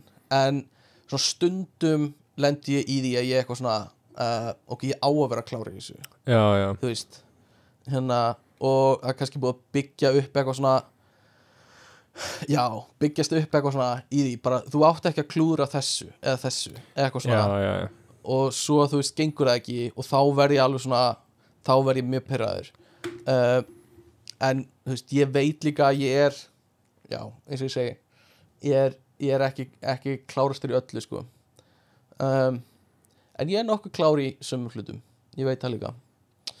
Uh, allavega, veit ég hvert ég var að fara með þetta um, uh, sko, það sem við ætlum að tala um hérna, uh, að því við erum svo klárir er oh, stoppum aftur. Ég, bara, ég fekk bara svona tilfinningu uh, hvað þetta væri asnalegt að við séum að tala um þetta. Er þetta ógislega asnalegt? Að við séum að, að tala um greind og hvað við erum klárir og eitthvað svona ég fekk það bara svona heldist yfir mig eitthvað svona, við hljómum svo eða, já, ég hljóma svo asnalega að tala um þetta Uh, nei, bara alls ekki Ok. ég held að sé Anyway. bara ég held að sé Ok. bara uh, bara vonandi þetta kemur að Mhm. fyrsta punktinum sko. Mm, veist, að, mm það er ekki, Ok. þú veist, ef einhver gaggrinir einhvern annan fyrir að segja sig klár á, þá er það vandamálið að svo manneski henni finnst hún ekki klár eða hann ekki klár. Mhm, og, mhm, og hérna, þetta er svona veist, þetta er, mm. hverjum ekki saman er ekki bara best að okkur finnst við öll ógsta klár og það er náttúrulega það er náttúrulega hérna alveg þekkt með okkur held ég að ég held að öllum Mm. finnist þeir klárar en þeir eru. Já, algjörlega, ég hef heyrt þetta líka. Algjörlega. Eitthvað svona, ef þú, Uh, ef þú spyrð þetta var í einhverjum Netflix þarna 100 humans eða eitthvað, mm það sem er spurt fólk að einhverju, -hmm. Mm -hmm. minnir að vera eitthvað svona heldur þú að þú sett klárar en helmingurinn inni já, og þú veist, já, 90 manns af 100 stigu fram. Já, eitthvað svona. úf, pældi í því. 50% ættu náttúrulega í fullkomnum heimi hefði 50% ekki. Hefði þú farið í já. Ég fer í já út af þessari hugmyndafræði minni sem er bara, við höld, eigum bara öll að halda við síðan klár. Já, það er bara, Mhm. bara gott fyrir því já, allana uh, hvaða típur af greind eru til? Uh, fyrsta er uh, svona orða uh, greind eða sko linguistic intelligence. Já, sem er þú veist að vera fær á tungumálið og tjá þig uh, með Mhm. orðum og eitthvað svona. Mm, hvar heldur að þú standir þar? Svona orðagreind. Um, ég myndi segja sko ég myndi segja að ég hafi svona ágætan orðaforða á svoleið sko, Mhm, en ég er satt við mhm. lélugur í tungumálum veist, þannig að ég er svona, já, það vantar einhverja heilabrið í haustnum á mér sem er eitthvað svona mhm. já, orðið, þetta er komið af þessu orði og þessu er þetta svona, eitthvað svona, Mhm. þú veist. Já, ok, ok. Uh, já, ég já, ég hérna er á sama stað og þú bara þokkulega klár en uh, ekki bestur uh, næsta er logical mathematical intelligence sem er bara töl, töl, töluklár. Já. klára tölur og skilja tölur. Ég held við séum báðir svona á svipuðum stað þar. Uh, og hérna top tier. já. Erum við, erum við ekki bara jafn klárir. Ég var að segja það, jú, jú. Já, já, já, þurfum ekki að fara að metast um það. Mm. Erum líka bara jafn klárir á allir sem eru að hlusta þáttinn. Mm. Þannig að ég vil bara segja það. Nema einn, við veitum báðu hver það er. nema, ei, Og við vitum, og þú veist líka hver það er Ef þú ert að hlusta, þú veist hver það er ef þú varst að, að, þegar við sögðum þetta, ef þú hugsaðir eru þeir að tala um mig, já. Já, já, þá vorum við, við vorum að tala um þig. Uh, Sko, já, svona töl, töluklár Við erum náttúrulega báðir starffræðingar Þannig að við erum svona Við hljótum að vera eitthvað í því. Uh, uh, Spatial Intelligence Sem er, þú veist Rýmisgreind, basically. Uh, Og er ekki oft talað um eitthvað svona Það er eitthvað breyting á kynjum Í þessu. Þú veist, strákar eru betri í rýmnagreind Og stelpur eru betri í einhverju öðru Tilfinningagreind eða eitthvað. Bla bla bla. Ég, um, ég held ég sé ágættur hérna er þetta ekki svona eins og flatmyndafræðin? Svona eitthvað svona sjá fyrir sig hvernig Mhm. hlutir snúast og eitthvað svona. Mhm, og passa inn í hvern annan og eitthvað svona. Já, ég held ég sé alveg að báfa að verið þarna sko Já, þarna þekki ég þig. Auðvitað, auðvitað. Um, Næsta er svona líkamsgreind uh, og svona hreyfigreind með eigin líkama. Uh, og þetta, ég þekk, maður þekkir alveg eins og þegar ég var að alast upp. Sumir voru bara góðir til dæmis í öllum íþróttum og svona fín hreyfingarnar í öllu já, já, og, og þú veist og eitthvað svoleið sko og voru bara mjög svona næmir í þessum flokk sko. Já, já, uh, en þetta er líka eitthvað sem ég held þú getur æft upp skilur ég held að ég sé ekki svona inherently fæ einhverja eitthvað, eitthvað frá þessum flokk. En uh, veist, ég er ekki en ég er samt alveg færum að grípa bolta og svona samhæfingu já, svona sem ég held að ég hef bara þjálfað upp með bara æfingum skilur já, og ég er ekki bestur í því en ég er bara svona allt í lægi uh, ég er, en, en þeir sem ég held að séu bestur í þessu svona mitt kalda mat eru dansarar. Ég held að það sé alveg svona ok. pjúra eitthvað sem þú æfir í þessu. Já, og þú veist, eitthvað svona fínhreyfingarnar á öllu líkamannum, hvernig á að nota hann og eitthvað svona. Já. Ég, mér finnst ég Uh, alveg opbáslega slappur í, veist, mjög slappur dansari. Já, mér finnst það líka já, hmm, ég hef nú fengið alls konar hrós fyrir dansin minn. Hmm, sko ég hef þú mér sem verið á á klúb, sérstaklega á klúbunum ha, hmm, vilt hmm, þú ert svolítið, þú svolítið gætna að fara upp á svið. Já, að eh, hreista, hreista fótleggina. Uh, ég þér- meir þess að þegar við vorum úti í Hollandi já, fekk ég það frábæra hrós á danskólum einhvern tímann að það hallaði sér einhver stelpa upp að mér og spurði á hverju ertu og ég var bara e, eiginlega blá edru eða svona frekar Já. hérna bara, bara frekar fullur bara frekar fullur ekki á neinu öðru og það var bara mikið hrós fyrir mig að ég leit út eins og ég væri á einhverju kokaini eða á einhverju, einhverju uh, fíknefnum en ég var það bara alls ekki og var bara góður að dansa það er náttúrulega alveg alla- það að allan út fyrir að vera á efnum og vera Mm. góður að dansa er náttúrulega Mm, alveg bara mm. Þetta er sami Þetta hluturinn er sami sem er ekki. Sami hluturinn. Uh, Góður að dansa eða leit út eins og ég væri uh, Að fá já, flog. hress. Já, að fá flók uh, Svo er tónlistargreind. Þú ert nú, þú ert nú aðeins þar. Ha, já, Tónlistamæðurinn okkar. Ég held að ég sé ég held að, já, ég held ég sé frekar góður þar.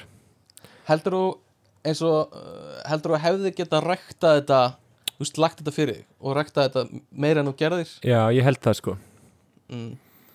Já, ég, ég held að ég hefði svona alveg alveg, alveg eins Mhm. geta ef ég hefði rækta það alltaf já, þá held ég að ég hefði svona alveg eins geta farið í þá átt eins og bara, þú veist, Einmitt. skilur einmitt. Sko ég held að ég sé ekki segur í þessum flokki. Uh, og öll svona tónlistar kunnáttu sem ég hef er bara 100% brute force þú veist, Já. að læra á gítar og eitthvað svona bara ekkert kemur eitthvað svona uh, svona second nature hjá mér sko. Já, þetta er allt eitthvað sem ég bara brute forceaði gegnum. Já, og er, er ekki góður í því en þú veist, ég, ég kann að glamra og þú veist, eitthvað svona og, og þarna er ég, þú veist og ég kann ekki að syngja. Ég er ekki góður að syngja já ég kann þú endur ekki að syngja heldur. Þú ert, þú ert alltaf lagi að syngja. Lögin sem þú bjóst til fyrir spurningakefnina frábær. Já, já, Eh, alveg rétt. mm en, en já, eins og ég segi þarna er eitthvað sem ég hef mjög mikið áhuga á og gaman af og, og finnst ógæslega skemmtilegt en er alls ekki einhvern veginn svona gen, ég fættist ekki með þetta sko. Og, og ég hef ekki, þú veist, þennan intuitive skilning sem sumir hafa já, já, og kannski væri hægt að rekta það upp með bara miklum æfingum og, en, en ég, svona, ég finn það ekki í mér en ég veit að ég hef bara gaman að þessu ég skilji uh, en ég held að þú sést meira svona ert með þetta í líkamannum sko. uh, næsta er uh, svona tengsla greind eða þú veist interpersonal, þú veist það er svona people smart að kunna að vera með fólki og læra fólk og eitthvað svona um, þú veist já, hvar, hvar stendur þú? uh, sko ég veit ekki alveg svona, ég átta ekki alveg á skópinu þetta sko. Mm að því ég myndi segja ég, þú veist, ég er ekki ég er ekki Félag, félagsleg, svona félagsleg reynd já, Kannski ég myndi segja ég er ekkit mjög, með mjög sterka félagsgreind sko. Mm en ég myndi Ok. samt segja, þú veist, mér finnst ég samt sko, ég myndi segja að vera alveg sterkur í svona uh, það er kannski frekar tilfinningagreind er svo leiðis mm, mm. Ég held að þú sért samt alveg þokkulega sterkur í félagsgreind sko. Fólk dregst alveg að þér og, og hérna Mm, dregur alveg til þín fólk ekki sko Ekki Nei, ég myndi segja yeah. yeah. Já. Ég er ósamala yeah. mm. Ég er rosalega svona Sammála. vandrarlegur og, og feiminn og svona mm, distant mm, og ég mhm. kann ekkit, þú veist, ég kann ekkit svona já, að spila nei, ég kann Póker. ekkit á fjölmenni, það er bara svona félagskvíði og þú veist, Já, ég skil þig, ég skil þig. Ok, ok. Ég hérna Ég held að ég, ég var rosa svona intro í uh, þangað til kannski í öðrum bekki metaskóla eða eitthvað svo leis já, uh, og þá bara svona þú veist uh, einhvern veginn bara ekki, eða þú veist það var samt ótrúlega auðvelt svona transition eða ekki hjá þér? Jú, jú, alveg eins sko.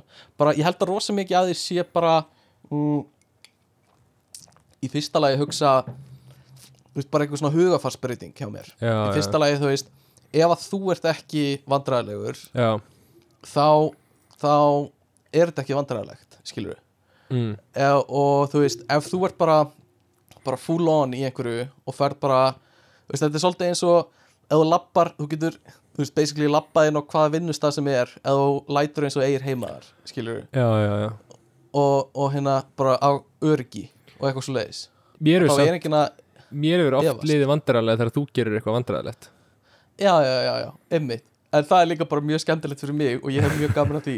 Og það er meira svona leikur sem ég er að spila heldur en eitthvað annað. Uh, en þú veist, ef að ég uh, já, ég veit ekki. Og líka bara, það verður meira vandræðalegt og erfiðara ef þú ef þú lætur þau líða þannig einhvern veginn. Já, og það er rosa auðvelt að segja eitthvað svona ekki láta þau líða einhvern veginn. En þetta er algjörlega bara æfing og hugafar skilur að hérna bara, bara þú ætlar að gera eitthvað, fara all in í það af hérna, af öryggi sko. Uh, og ég er alls ekki að segja að ég verð aldrei vandræðilegur ég verð oft mjög vandræðilegur eins og þegar ég var að öskra nafni Elena í heitum potti. Og þá leiði mig mjög illa sko. Uh, en hérna uh, en stundum er, get ég, þú veist, bara þú veist, bara sett brjóskassan upp og bara láta eins og ég sé mjög örugur og þá kemur það tilfinningin kemur þá bara hjá mér sko. Já, uh, en, en ég er ekki að segja að ég sé eitthvað frábær í þessu. Og ég er alls ekki að segja að ég sé með eitthvað góða félagsgreind sko. meira bara að hérna einhvern veginn þú Að ert samt feika- alveg mjög sterkur þarna. Já, en þú reynda nennir því ekkit alltaf uh -uh, stundum mhm. tekur ákvörðunum að vera eins og manneskja sem að hefur enga félagsgreind. Já, já, já, já. En já, ef að þú algjörlega. tekur ákvörðunum að vilja ek, gera, ekki gera það Mhm, þá ertu bara þú eiginlega svona hoppar á milli þess að vera bara svona einhver mesti bara svona introvert sem ég þekki. Mm, bara svona ekki talaði mig já, Vil ekki í samskiptum. eða vera eiginlega bara svona einn mesti extrovert sem ég þekki. Já, þú, það, þú er ótrúlur Mm. skali hjá þér hvernig þú getur já, já, já, verið mismjöndi algjörlega. Og, já, já, og ég hef oft tekið eftir þessu bara á bara svona á á, á mínútu skala sko. Þú veist bara nú, ok, það? nú ætla ég að kveik, nú ætla ég að kveikja því. Eitthvað svona, þú veist, já, nú ætla ég að nú ætla ég að hætta þessu og, og hafa gaman, eitthvað svona. Um, a, a, já, kannski. Uh, allavega, svo er svona kannski smá andstæðan við þetta en þú veist, það er, þú veist, inn á við að skilja sjálfa þig og hafa svona svona, svona self-grind að svona skilja hvernig þér líður hvað þú vilt og eitthvað svona. Já, og ég held að ég sé mjög undir meðalagi í þessu sko. Já, og, og ef það er einhver staður þar sem ég gæti verið betri í þá er það þannig sko. Já. hver heldur að þú standir þannig? Uh, ég, já. Ég, ég held ég sé meðal bara sko. Já, já. En þú veist, mér finnst svona já, ég veit það ekki. Mm ég held svona einhvern veginn svona overall finnst mér ég svona hafa frekar þú veist, frekar bara góða já, svona e, átta mig frekar vel á því af hverju mér líður einhvern veginn. Mm Vist ég ekki upplega mikið af svona óreiði í haustum á mér að vera eitthvað, Nei, mér líður svona, ég veit ekkert eða eitthvað svona, einmitt, en á einmitt. sama tíma það held ég að ég sé ekkert mjög, veist endilega spotta ekkert mjög auðveldlega að mér líður á einhvern ákveðin hátt af hverju mér líður þannig, Mhm, Já, þú veist, með suma hluti. Já, ég held já. ég sé svona eitthvað staðar hérna, já, ætli ég sé ekki bara meðal eitthvað slis, mhm. Já, einmitt. Þú veist, ég, já, hjá mér eh, ég get, já, ég get ekki dæmt um hjá þér náttúrulega þetta er rosa mikið svona internal. Já, en eins, ég tek eftir því hjá mér bara eins og í þessu podcasti veist, þá ger ég mér oft bara upp einhverja skoðanir, skilur mm, til þess að tala um það. Já, en yfirleitt er ég bara svona uh, ég bara bara gæti verið bæði, eða hvað skilur hef ekkit eins og þú veist, hvað skoðun ég hef á hlutunum er líka oft bara eitthvað svona uh, uh, bara, já, já, ég hef ekki skoðun á því. En, en, ég, en svo þegar ég komin hingað þá ég ætla að gera mér upp einhverju afgerandi skoðun og ég ætla bara að tala um það eins og ég hafi mjög sterkar skoðun á því. Já, sem er náttúrulega pointið með þessu. Já, algjörlega Algjörlega. Uh, Allana, síðasta er uh, svona náttúrugreind Naturalistic Intelligence. Og það tengist öllu svona umhverfinu uh, plöntum, dýrum þú veist, hvernig að, að, þú veist, að gera hvað ég, ég, ég veit ekki alveg. Það er talað um að ef þú nýtur þess mikið að vera út í náttúrunni í hérna, í útilegum lapp, í svona göngum uh, og hefur mjög gaman að dýrum og eitthvað svona og læra bara um náttúruna þá ertu hallastu svona að þessu. Já, uh, veit ekki, ég hef já, ég veit ekki, ég hef gaman af þessu ég veit ekki hvort að ég er sterkur í náttúrugreind en nei. ég hef mjög, mjög gaman af þessu öllu sko já, já, ég veit ekki, ég held að já, ég er kannski bara á einhverju mjög lágu róið þarna sko. Mhm, einmitt. Að því að, þú veist, ég, ég hef líka verið gaman þú veist, ég hef alveg gaman að vera úti og eitthvað. Þú veist, er þetta eitthvað svona greind að tengja þið náttúruna?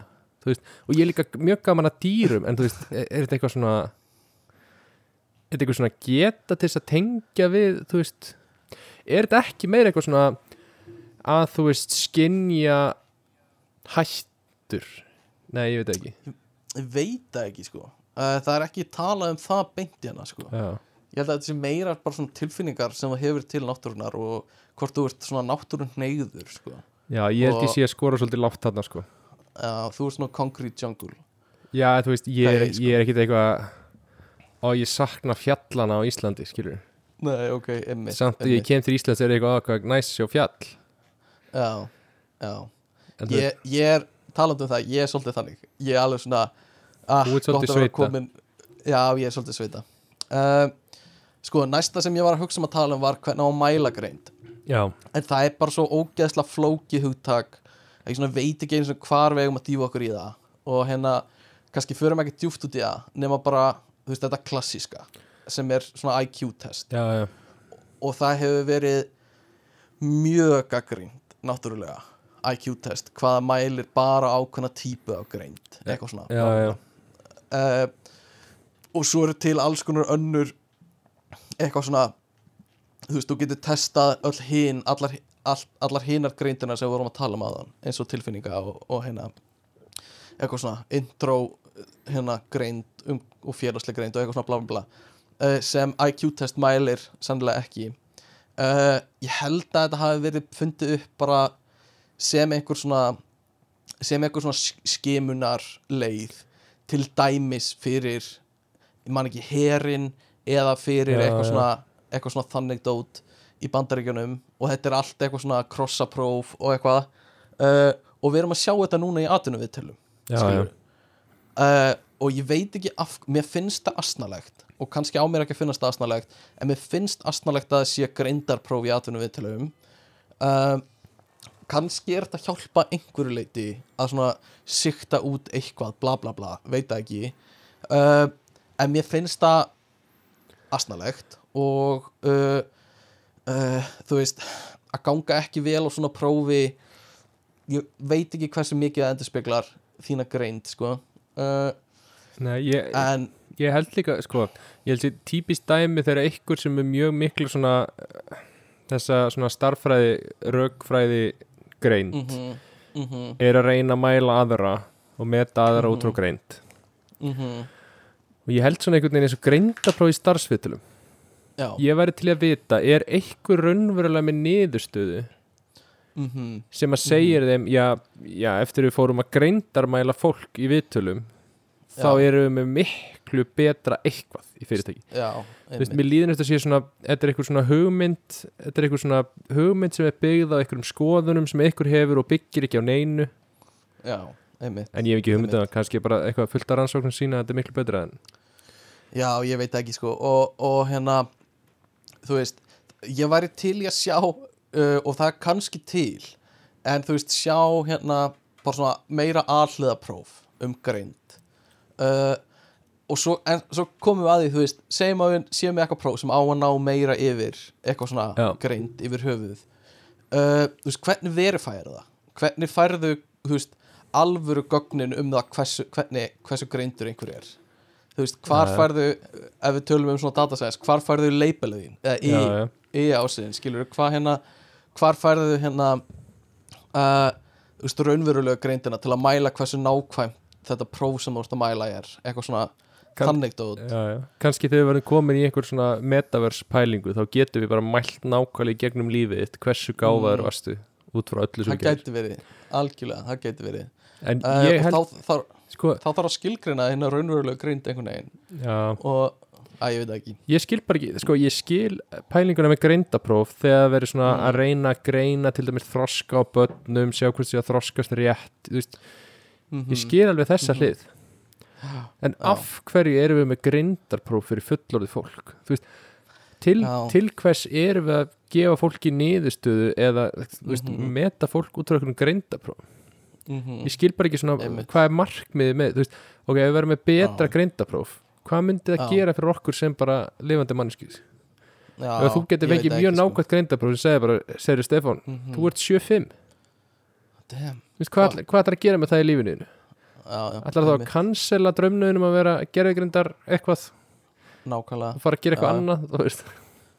Við eigum, það sem við eigum bara að gera er að nota samröndu prófin í tíundabökk það er bara bara út lífið. er, já, bara út lífið skilur það er bara besta það er bara besta mæla eining sem við höfum. Samröndu prófi í tíundabökk og þá sérðu hvað þú stendur gagvart öðrum í dönsku og eitthvað svona ensku sem er svona mikil og íslensku og já, eitthvað svona. já. Svona mikilvæga hlutinir uh, þannig að, að það ætti bara að vera sko markið okkar. Uh, en eitt sem, sem mér finnst mjög áhugavert ótengt þessu er, er svona, þú veist, lif sem gera þig gáfaðri. Og já. þú veist hérna kannski eitthvað sem flestir hafa séð er þú veist eins og myndin Limitless. Já, með hérna Bradley Cooper þegar hann tekur einhverja töflu og verður einhver svaka kall og og hérna sér þúsund möguleika og man eftir öllu sem hann gerði í lífinu og eitthvað svona bla bla bla. Uh, sem er sem er náttúrulega ekki til hérna á Íslandi sko. Svona þannig töflur. En en uh, þú veist það eru alls konar lif til sem eiga að auka einbyttingu og einhvern veginn auka þú veist metnað eða Já, veist eitthvað svona bla bla bla ég veit ekki hvað, hvað maður myndi kalla það. Mhm, uh, og ég hef hort á einhver svona myndbönd á YouTube einhver svona heimildamindir þar sem fólk er eitthvað svona uh, ég ætla að prófa uh, að taka þetta í mánuð og sjá hvort það breyti einhver fyrir mig bla bla bla, eitthvað svona. Uh, og þú veist sumir fá eitthvað út úr þessu og, og eru bara, þú veist ég, ég er búin að vera á þessu í fimm ár og, og með rosa mikið metnað og einbyttingu og eitthvað svona bla bla og aðrir ekki. Og þetta er oft talað um eins og konserta er Mhm. fólk að nota í prófa tímabilum og eitthvað svona. En þú veist já, ég veit ekki. Pældu í ef þetta væri til í alvörunni skilur eitthvað svona bara legit liv sem virkar á alla og hérna þú veist, ef allir er að taka svona liv uh, þú veist, myndur þú taka þátt í því að, að hérna taka liv einu svona dag uh, sem hjálpar þér? Sko, nei. Sko, Mm. ég held að ef þetta væri til að gera okkur að, þú veist, gáðari manneskjum eins og það sem við horfum á sem gáðaða mannesku í dag mhm, mhm þú veist, fólk sem við horfum á sem bara svona gáfaðasta fólk sem hefur verið uppi. Já, já. Þú veist, hver mynd, þú veist, myndi ykkur í alvörinu nenna að vera þessi gaurar? Nei, myndir þú einmitt. að vera Albert Einstein skilur mm. Nei, sennilega ekki sko. Og það eru alls konar eitthvað svona rannsóknir veit ekki hversu, hvað mikið viti en eitthvað svona, ef þú ert klárari þá ertu líður er verð eða svona ertu leiðari eða eitthvað svona þannig þetta dót er svona ignorances hefur heyrt. bliss hérna, Mhm, hugmyndafræðin. Svolítið sko, svolítið. ekkit betra vit og mikið. Einmitt, einmitt. Um, Já, ég veit ekki Þú veist Þetta er svona bara Þetta er svona framtíðar pælingar Þú veist, þetta er svona smá eins og einhver svona einhver svona bætingar á, út, á útlimiðinum Þú veist, myndir þú fá að gerfi augu eða þú myndir sjá meira með þeim eða eitthvað svona og í framtíðinu er allir að taka einhverja smart pills og eitthvað til þess að já, til þess að sjá skýrar og, eða svona, til að hafa skýrar hugsun og eitthvað. Uh, ég veit ekki hvort að þetta er málið sko. Uh, að gera þetta. Uh, en mér það samt áhugavert svona áhugaverð tillaga eða pæling skilur að bjóða upp á lif sem gæti hjálpað þér. Og þá vonandi er ekki á hana bindandi og eitthvað bla bla bla. Um, en, en hérna uh, já, tengt kannski, já, ótengt þessu uh, hvern, svona þekki nei, ok, kláraði þetta, sorry. Uh, svo, maður heyrði ofta eitthvað svona ákveðin prósent af háskólaneimum taka lif til að hjálpa sér í gegnum háskólanám og eitthvað svona. Og ávíst að hafa verið eitthvað, herra en þú heldur eitthvað Já. svona, bla bla bla. Mm uh, að, að því leiti, ef það er satt þá er ég alveg bara svona smá ánægð með að hafa komist í gegnum háskólanám á þess að taka það, skilur við og hérna, mér finnst það alveg svona hérna, eh, ef þú þarft að taka og, og þú ert ekki með einhver e einhverja svona læknisæla ástæðu til að taka svona líf það er náttúrulega bara allt annar hlutur. Ef þú ert bara að taka þetta til þess að bara sem bara sem manneski sem þarf ekki svona líf í, í daglegu lífi og ert að taka til þess að, að hjálpa þér gegnum nám já. hvað finnst þér um það? finnst þér, finnst þér eitthvað að því að, að taka svona líf Uh, uh, í, pró, í prófa tímabili eða einhverju svona nei, þú veist, nei, eiginlega ekki e, fólk bara ákveður þetta fyrir sig og mm. Ég finnst það ekkert sv svindl eða neitt svo leiðis nei, mér finnst það ekki nei, nei. Mm -hmm. mér finnst það bara, já, já, fólk má gera það sem vill, sko og ég held bara, þú veist e, Mhm. ég veit ekki, ég held að sé meira það sem ég finnst hætturætt við þetta er að ég held að ástæðan fyrir því af hverju þú vilt taka svona lif sé svona, sé meira þetta eru svona afkostin að því að vera með eitthvað kvíða yfir því, mm. þú veist Mm að, að því að minna staðrindin er að flestir bara með því að læra venjulega komast í Já. gegnum námið þeir eru í já en það er Já. eitthvað svona pressa og kvíði á fólki mm um að standa sig ógeðslega vel að vera framúrskarandi eða vera hrætt um að falla og þú veist hrætt við Já. að falla út af einhverju skömm eða einhverju þú veist -hmm.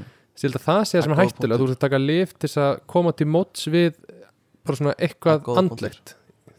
Algjörlega. Og þetta, það greinilega einhver svona ó uh, holl, svona óholl vænting og eitthvað svona pressa sem er sett á fólk sem svona lætur að veist, fara í þennan veg. Algjörlega, það er mjög góða punktur sko. Uh, hver heldur að sé svona klárasta fólk sem þú þekkir? Ertu með eitthvað svona í huga sem þú veist bara mjög klár sem uh, þetta er í hug í þínu lífi? Þú? Mm, Vá, takk. Ég veit ekki hvort þú grínið ekki. Nei, ég, já. Mér finnst sko eiginlega, já, mér finnst eiginlega allir í kringum mig svona góði vini mínir mjög klárir sko, á mismöndi svið Mm. Já, já mér við, finnst, erum í, við erum í mjög góðu vinahóp þannig sé sko. Og mér finnst svona, mér finnst mjög margir vera ég veit ekki, mér Mm. finnst margir hafa mjög mismöndi hluti sem eru, eru mjög klárir í. Mm algjörlega, og algjörlega. Já, En þú, þú ert ekki með eitthvað svona pappi minn er klárasti gaur sem ég þekki eða eitthvað svoleiðis? Uh, Jú, pappi, jú, mjög klár. Mhm, Mjög klár, einmitt Já, og mamma, ekki gleyma mömmu. Og mamma, þín er líka, mjög klár, Mhm, Já, Sama já, hér. Mér finnst fóreldrar mínir mjög, mjög klárir. Mér finnst bróður minn mjög klár. Uh, Svo þekki maður líka veist, Í gegnum háskólan og mentaskólan Alls konar fólk sem er mjög klárt. Uh, og þá er maður ofta að byggja það á einhverju svona velgingni í skóla og eitthvað svona. Uh, það var einn strákur sem við vorum með í skóla sem er bara svona uh, bara svona genius í starffræði sko. Uh, og bara svona á einhverju öðru leveli og það er bara alveg veist, það er bara fólk, eða, veist, hann er alveg svona þekktur já. fyrir það skilur að vera bara svona eitthvað svona undraba skilur í starffræði mhm, um, og ég held að það geti verið alveg svolítið erfitt sko að hérna að, að þú veist díla við það og það eru settar á því væntingar og þú veist, ert þú ekki að fara í Oxford í doktorsnám og eitthvað. Já, þú setur Og- það vendingar já, og þú setur því væntingar. Uh, að eitthvað svona uh, en ég held að þessi strákur hafi verið svolítið svona effortlessly góður í því sem hann var mjög góður í.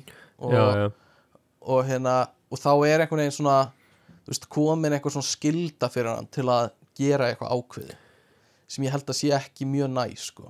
og ég er ekkert viss um að þessi strákur endilega ætla að fara þessa leið sem hann veist, sem hann hefur kannski smá verið pressaður í að fara sko. og, og vill það ekkert endilega. Já, ég minna Uh, algjörlega. Það er miklu erfiðara fyrir hann að ákveða að fara að gera bara eitthvað allt annað. Það er miklu erfiðara fyrir hann að segja bara, herri, mér langar reynda bara að vera smiður. Mhm, mhm, út af að búið að vera að segja honum að hann sé svo mikil starffræði séni bara frá því hann, Já. að- kannski er hann starffræði séni en það er líka spurningin, Mhm. er það sem við erum klári og góði, er það alltaf líka það sem gerur okkur ánað? Einmitt, einmitt og ok, og þetta er alveg svona kemur inn á sko ment, hvernig við mentum fólk, skilur við og það hefur verið mikið gaggrínt mentakerfið bara á Íslandi og allstar annars er þú veist, bara svona one size fits all, eða þú veist, bara Já, fara já. allir inn í þetta sama bóks og, og hvað finnst þér um bara að fólk fái bara frá unga aldri að smíða það sjálft.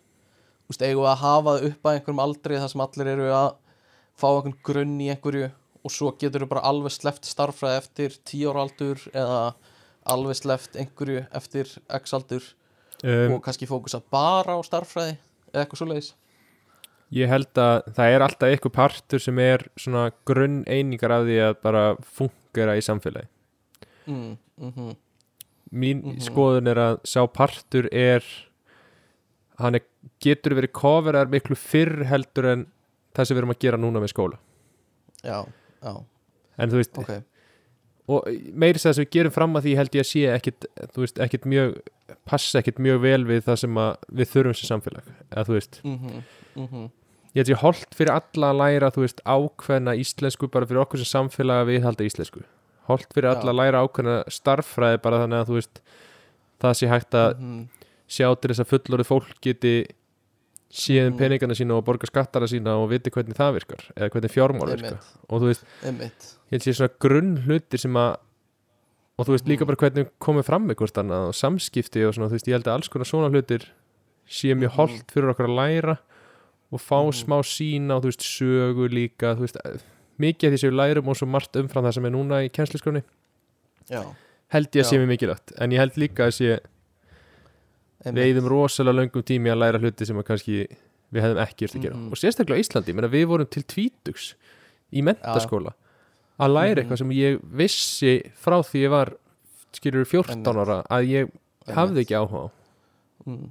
En sjónamiði að þú veist það er holdt að fá yfirsýn yfir marga hluti bara til að geta sett í samhengi alls konar sem þú ert að gera og læra, þú veist að þú farið enga líffræði þekkingu uh, bara svona já. nærtakasta dæmið er kannski bóluefnin og þú veist þá hefur enga hugmyndum hvað efnasamsendingar eru og þú veist enga hugmyndum neitt og þá er kannski auðveldar að samfæra þig um eitthvað sem er ekki rétt og, og sama með bara eins og þú segir sögu þú veist, þú lærir enga sögu Já. þá hefur þú ekkert til að setja samhengi þú veist þá, þá, já, og getur verið samfærður um, þú veist, það er auðvöldar samfærður um þú veist, uh, helfurinn gerðist aldrei og eitthvað svona bla bla bla.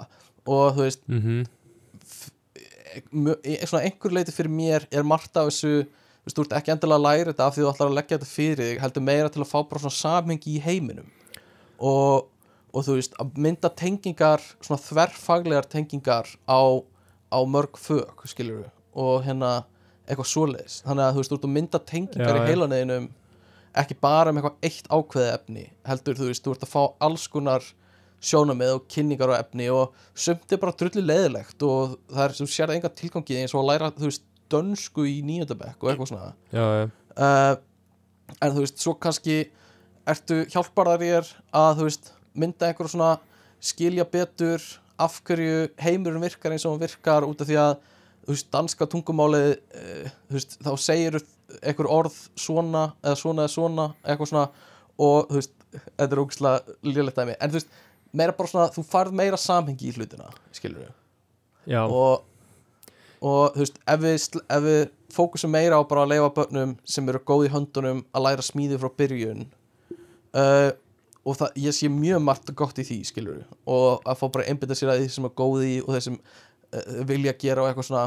En heldur að gæti þá vantað einhverja svona meiri já, samhengi eða svona heildstæða hugsun í, þú veist uh, bara svona fólk. Og þurfum við að hafa hana? Viljum við bara, það er líka alltaf læg kannski að byggja upp samfélag það sem það sem við erum bara með rosalega svona einógraða einstaklinga sem bara, þú veist, þú ert játsmiður og þú þarft ekkert að vita neitt meira um, Nei, mér finnst það alveg góða punktur. ég, veit ekki hvað er betra uh, og, og þú veist, kannski líðið betur með því að bara vera bara fókusaður á játsmiðina þína eða bara fókusaður á sálfræðina þína, eitthvað bla bla bla. Uh, en þú veist, þá áttu kannski erfitt með að skilja hvað er gangi í Úkrænu eða eitthvað, veit ekki. Því þú, þú veist, hefur ekki lært um sögu þú veist, fyrir heimstyrjaldar og, Já, og já. eða þú veist, eitthvað svona, veit ekki. Um, ég held að sé uh, bara pæling Já, ég held sé mjög góða punktur og þessi dæmi eins og já, í Ukrænu eða hérna, Mhm. COVID eða, þú veist, mm hérna umhverfis áhrifin, þú veist, hvað það er þá eru þetta partur sem er Mhm. mikilvægt að maður lærði til að maður myndi skilja og myndi skilja hvað er rámt og hvað er, veist, Mhm. hvað meikar sens og svo leiðis. Og, ég held- og eitt sem já, sorry, klár þú Ég held að mætti vera breyðara, ég held að mætti vera Já, fleiri já. hlutir sem við fáum kynningu á og mm minna, þú veist, ég held að mættum, já, fara víðar Algjörlega. og kafa grinnra. já, algjörlega og ég get, ég get alveg 100% séð það og, og hérna og þú veist, fullt að gaggrinni sem hérna skólakerfið á bara skilið og það má alveg fara að hugsa upp á nýtt þú veist, það er búið að vera frekar svipað í 110 ár eða eitthvað en, en eitt sem svona pyrra mig, eða pyrra mig ekki svona, mér finnst smá svona vanta heildarsýn að einhverju leiti hjá fólki sem er að tala um eins og eins og starffræði bara af hverju er ég að læra starffræði og af hverju er ég að læra Já, já, að gera, þú veist, eitthvað svona bla bla bla. Og þú veist, ég á aldrei eftir að nota þetta. Og mér finnst það ekki nóg góð rök þú veist, af, ég á aldrei eftir að nota þetta. Uh, af því, þú veist uh, þetta er þú, þú ert ekki að læra starffræði endilega bara til þess að þú veist, geta reiknað einhverjar markvaldanir eða diffrað eitthvað, eitthvað svona, þú ert að þjálfa heilaðin og ég held ég að við talað um þetta í öðru þætti. En þú veist, fyrir mér er þetta meira bara svona, þetta er erfitt skilur við, og þú þarft að hugsa mikið. Og jú, það eru sumir sem bara, þetta er bara meikara engan sens fyrir, skilur við uh, en ég samt á því að þú veist, þú þarft að rækta heilan þinn þó að það sé erfitt. Og það er enginn að segja að þú þurfa að vera bestur í því eða eitthvað svona, bara að leggja þig fram með að, þú veist, að æfa þig bara eins og að lifta lóðum eða að fara út í göngutúri eða eitthvað. Svo, að hérna, já, að þú veist, þú verður sterkari í því að leysa þrautir og þú veist, starffræði er bara til dæmis ein þraut skilur við En- og en ég er alveg sammálað að það er áherslunar eru kannski off en mér finnst bara rökin að ég á aldrei eftir að nota þetta ekki góð. En svo er þetta eins og með dæmi þegar hefur ekki heyrt þegar fólk talar um að eitthvað, það var alltaf verið að tala um að þú ert að gera súdúkur mikið þá verður þú miklu Mhm. betri í raukhugsun og eitthvað svona. Mm -hmm, en einhverja rannsóknir eða eitthvað hefði sínt fram að ef þú gerir úkslega mikið að súdúku þá verður þú bara betri í súdúku Súdúku, já, algjörlega. Er það ekki líka Það- einhver pæling þarna? Þú, veist, Mhm. þú verður það bara betri í starffræði og Jú, jú, það gæti alveg verið sko. Uh, og ég, er, ég, veist, ég veit ekkert hvort ég er ránt fyrir mér þetta er meira svona tilfinning hjá mér að þú veist að, að hérna þú veist ég trúi samt einhvern veginn að ef þú ert að gera eitthvað sem er erfitt að með, svona, fyrir heilanæðin þú veist, þá ertu að, að æfa nýja að takast á við eitthvað sem er flókið og erfitt. Og, og fyrir mér var starffræði ekkert auðveld skilur, ég þurfti bara að leggja vinnu í það. Já. og hérna og uh, æ, það hljómar svolítið eins og ég sé að setja með okkur háanstall en ég vil ekki menna það þannig. Meira bara svona, og þetta er ekki bara starffræði þetta er líka alls konar annað. Þú veist, saga og tungumál. Þú veist, ef þú æfir ekki tungumálum skilur þú veist, þá þá er eitthvað af þeim parti heilans þín sem skilur er ekki að fá æfingu. Já, og kannski á ekki að leggja svona mikla áherslu á starffræði en mér finnst heldur ekki við eigum bara að leifa eða þú veist, bara sleppa því fyrir ákveði þú veist, Já, fyrir eitthvað fólk einmitt. Skilur og bara leifa því að gera eitthvað eitt skilur mér finnst bara, það partur af því að fá svona að einhvern veginn æfa heilaðin á mörgum sviðum og starffræði er bara partur af því. Um, en svo er að ekki svo er og fólk sem hefur ekki geta orðið kokkur af því að getur ekki klárað mentaskóla starffræði eða, mhm, mhm, mhm. Það er líka mjög góða punktur. Og, og, og þú veist, algjörlega. Og ég hef ekkert einhverja beint lausn við því frekar annað en bara þú veist um, uh, já, ekki endilega leggja þú veist, svona mikla áherslu á starffræði en hérna en, en uh, ekki sleppinu alveg en kannski niðurstaðan. Anyway, ég er viss um að fullt af fólki er ósamlega mér hérna og ég er það sennilega líka. Uh, sko, það er tvent sem ég ætla að skoða í viðbót. Annars vegar er það klárt frækt fólk. Og það verður svo gaman. Og svo ætlum við að fara í svona aðeins hvernig við verðum klár í lokin. Allavega, uh, vissur að Kesha er mjög klár. Já, ég vissi það. Sem er svona einhver svona mynd sem hún málar upp er kannski ekki það sem hann dettur í hug um að vera klár en hérna hún er vist mjög, mjög klár. Um, svo líka hann hérna strákurinn úr Modern Family. Já, ég hef líka hérst það. Uh, hann er hann er partur á Mensa og Mensa er einhvern klúpur yfir mjög klárt fólk. Uh, og Steve Martin er það líka? Steve Martin líka hann að Pink Panther endurgerðan eða mun eftir henni. Líka hérna Phoebe úr Friends. Uh, hún er vist klár. En sko, sérðu hérna, það stendur.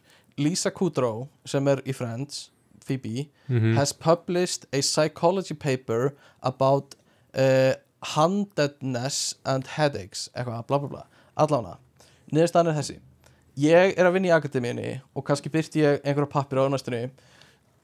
Þannig að þegar ég verð mjög frægur leikari eða leikstjóri og verði hérna spjallþáttunum og eitthvað svona já, og verð, þá verð ég komin á þessa lista hérna með eitthvað Stefán Gunnlaugur uh, published uh, two papers Já, on já. blah, uh, artificial intelligence og svo verður Jimmy Fallon eitthvað skellilhæði and you're eitthvað uh, you're not only an actor you're also eitthvað bla bla bla. Hmm, pælt í því maður. Já, ég hlakkar svo til að horfa á þetta vittal mm, ég líka. Og hérna svo fleira, Kristinn Stúart var líka að gefa út einhverja greinar. Pældi í hvað maður þarf bara að gefa út einhverja greinar og svo kemst maður á einhverja svona lista. Já, já, þetta er slam dunk sko. Frank Lampard. Uh, já, ok. Hann, Emmitt já, um, uh, Amy í Big Bang Theory hún er með uh, doktorskráðu í, í hérna Neuroscience sem er held ég sama og mm karakterinn hennar sem var með. Já, Brian May í Queen er Mhm. líka með hérna doktorskráðu í, í stjörn, já stjörn eðlisfræði, jafnvel. Um, þannig að það eru alls konar svona Shaquille O'Neal er með masterskráðu uh, í einhverju og doktorskráðu í, í, í mentun pælti, við erum konum með masterskráðuna maður. Við þurfum bara að vera frægir einhverju leikarar eða eitthvað tónlistamenn og þá eru við komnir á hana lista nei, hérna gummi. Já en Ha. því að Shaqy O'Neal er þú veist þú veist, hann er bara svona eitt frægasti köruboltaleikmaður mm allra tíma Mhm. og er með doktorskröðu þannig að hann er hann er líka betri Mhm. við. Já, látt ekki svona. En svo er þú veist Svo er hérna einn á listanum er Tom Hiddleston knows four languages. Ok, Ok, við erum er langt nú- frá þessu. það er nú vík Við erum með masterskráðu og kunnum sko uh, Þekkir- fullt af tungumálum. þekkir fjögur tungumál það er nú ekki mm, mm, mm meina, ég, ma- Ég held já, að með tiltölulega litlu efforti gæti ég verið með fjögur til fimm, tungumál. Nei, slaka. að við telja þau fyrir Nei, leið mér að telja þau fyrir nei, á, já, ok. Íslenska, Enska, enska. Ástralska. Python, Java. Og sé, nei. Nei, ok. En, en samt í alvörinni Já, þú veist, við, við kunnum tvö tungumál bara reybrennandi já, það er, þú veist, danskan já, og sænskan. Já danskan, sænskan. Uh, en svo, þú veist, þíska gætu við pikkað frekar auðvitað og, og danska líka. Frekar auðvitað ég er líka orðið mjög sleipur í hollenskunni, sko. Og uh, nákvæmlega, og þú ert með hollenskuna líka. Pældi í þessu maður. Og svo er spænska bara eitthvað joke skilur Er, sem það bara svona lærir í, í frítíma sko. er eitthvað netfang eða eitthvað sem ég getur sett Beðum að fá að vera á þessu lista eða? Að það tekið fram? Já, já, sko við hérna, ég ætla að krefjast þess að uh, eitthvað svona eins og menn.is eða eitthvað taki búið til svona um íslenska podcast gerðarfólk og hérna klárasta íslenska podcast gerðarfólki og það var hérna, strákunir ekkert að frétta eru með masterskráðu í gerðugri eitthvað svona og kunna tvö tungumál að gætu auðvitað lært tvö í viðbúð, Hvað ætli sé samt svona Hvað ætli sé mentuðustu podcastinu á Íslandi? Uh, Tja. Þetta er nú ekkit opbáslega mentaður hópur eða? Svona ekki vinsalustu Næ, sannilega ekki. Þú veist, ég, í ljósi sögunar geti alveg trúið að vera sér með hún er alltaf með í arabísku held ég. Einhverja hér, hérna uh, hérna gráðið þar. Bogi Ágústsson með heimsklukkan mögulega, eða hægt að flokka þessi podcast. Um, en ég veit ekki hva, í hverju hann er mentaður sko. Kannski erum við bara erum við bara á toppi listans yfir hérna klárasta podcast fólki En svo er náttúrulega Uh, podcast hjá Þú veist, verkís og mannvit Og eitthvað svona. Ah, fuck, já, hættu að tala um það maður. Það finnst engu gaman að tala um það maður. Og uh, allir læknarnir með podcast. Myndur þú segja að læknar verður meira mentaður en við? Já, ég myndi alveg segja það. Ég, get, Já, já, það er náttúrulega líka bara lífstíl sko. Þannig að, að hérna, þú ert ekki bara með einhverja, einhverja gráði, þú ert bara með lífið, þetta er bara fjallgöngur og eitthvað. Mm uh, Kvíðakastið. Það eru sennilega einhverjir sálfræði, masters, doktors fólk í því. Já, uh, Svo náttúrulega beint í bílinn. Hámenta fólki beint já, í bílinn. já. Skóli lífsins Skóli lífsins maður. Allavega. Það væri áhugavert. Ég skora á menn.is að taka þess Er menn.is ennþá til? Já, já, já, já, já, já. Það er topp síðan á Íslandi sko. Veitu, ég ætla, ég ætla aðeins að sjá hvort ég komist inn á menn.is Var þetta ekki orðið eitthvað partur af vísi eða eitthvað? Nei, Nútímanum, já. Mm Sko, hérna uh, Ok, ég skal lesa eina fyrirsögn hjá þér. Nei, hjá þeim. Ég er komin inn líka, sko Notuðu hróturnar hjá pappa sínum til að spila tennis. Myndband Í kaps Veitu, akkur sé ég þetta ekki? Jú, ég sé þetta hérna. Já, Mm. já, já. Og þú veist Fann 14 finn öflugar Sjálfsvarnar aðferðir Til að æfa með vinum sínum. Já. Myndband! Fann finnustu staðaranöfnin á Google Maps Eftir marga klukkustundar leið Myndir. Myndir Það er frábær Eh, síðan Já, þannig að, að hérna, fullt af frægu fólki og hérna, ég hlakka bara til að komast á hann að lista maður. Það verður frábært. Þetta verður besti dag lífsmins einn daginn, einn daginn. Uh, Já, ok. Síðasta sem ég er með hérna eldsnögt, hvernig verð ég klár? Hvernig verð ég klár? Og þetta kemur af henni frábæru og virtu grein uh, af Viki How How to be smart. Ok, af Viki How mjög til. Og við stiklum bara stóru hérna. Fyrsta er exercise your brain. Og þetta er svona svipað það sem ég var að tala um áðan. Uh, þannig að ef Viki How segir það þá hlýtur það að vera satt. Já, bara kemur ekki annað til greina. Og þá er talað um svona alls konar puzzles að hjálpa heilan einum eins og Rubik's kubbar ég var mikill Rubik's fíkill mhm. Um, Þannig, ok, við getum farið í gegnum þetta líka og ég get sagt ykkur hvað ég geri af þessu. Það er gaman, það er skemmtilegt svona fyrir áhörðan, Ok, hlustandan. Uh, þannig, já, puzzles ég er mikið þar, gerir rúbuskupa uh, do artist, artistic activities gerða eitthvað listræn mm. ég get ekki eins og talið upp hvað ég er mikill listamæður ég fór yfir það í sísta þætti sko. Já, þú taldir allt upp. Það þurfti tvo hluti Já, til að ta ta tala um það. Já, já, check, check á það sko. Og svo er næsta uh, gerðu starffræði, þú veist, do math. Og þú veist baby, sko. Do ég er með háskóla gráðu í starffræði. Do math. Learn how to do mental sums or speed math. Þú veist, my dude þetta er bara eina sem ég gera á daginn sko. Um, þeir segja hérna uh, the hard thinking that is required for math will make your brain work hard and help develop the connections that will help you think better and faster pældi í því maður. Ok. Áhört hvað er með sterkar tengingar. Uh, næsta er write stories or poetry. Ég meina ég hef prentað út ljóðabók eftir mig. Gerist það eitthvað meira en það sko? Nei, nei, og skrifa mikið. Ég hef ekki Um, gert það. Nei, pældi í því. Mm. Mm. En það verð ég einum fyrir ofaðeg á listanum yfir klárustu podcast hósta á Íslandi. Uh, Næsta er sko Develop your people skills. Og, og hérna undir því er bara getur þú útskýrt hluti á einfaldan hátt skilur, ertu góður því? Já, Ég er náttúrulega þekktur sem einn besti dæmatíma kennari sem HÍ hefur haft. Já uh, þannig að check þar sko. Uh, lærða að hlusta á aðra og hérna skoða neðra og, og um sko þó sé að segja eitthvað sem þú ert ekki sammála og leiðu, þú veist, reynda að skilja þeirra point of view. Ég er náttúrulega líka þekktur í þessu podcasti fyrir að leifa þér að tala og hlusta á þig skrifa já. fram í. Já, já, það er rétt. þannig að ég hérna check á það. Takk fyrir það. Be, Bara, be nice to people. Ah, þarna felluru. Já, reyndar. Uh, uh, En þú veist uh, Já, að því að vera góð, góður og góð hjartaður um, Þú veist, já Já, ég er veist, alltaf vondur reyndar við fólk og eitthvað svona. Um, En ég er að æfa mig í þessu á hverjum degi Já, já, það er rétt.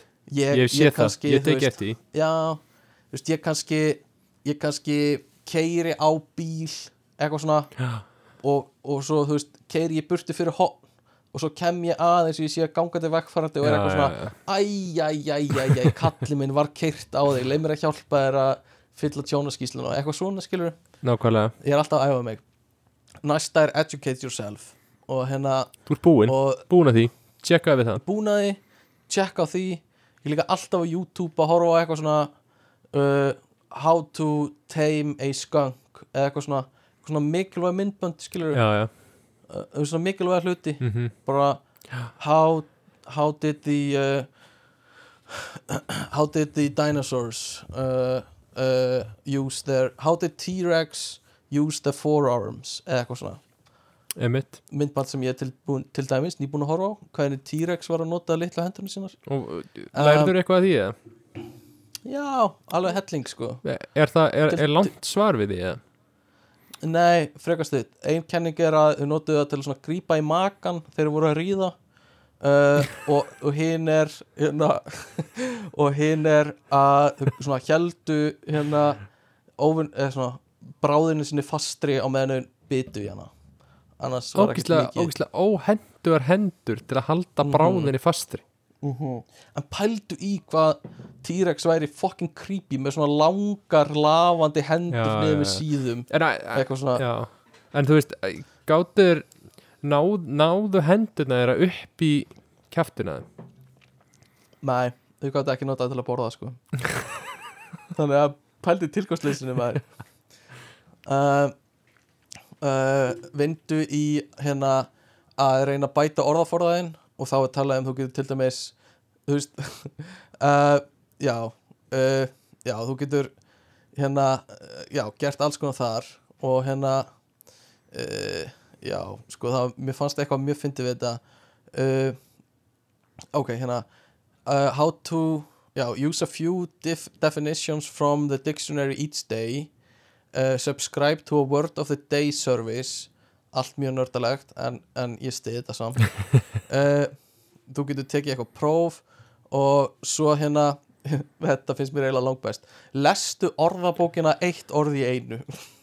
Nei, uh, með hverju orði bætir orðaforðaðin pældu Nei, í að það, bara ok, setjast niður þetta, þetta, og lesa orðabókina.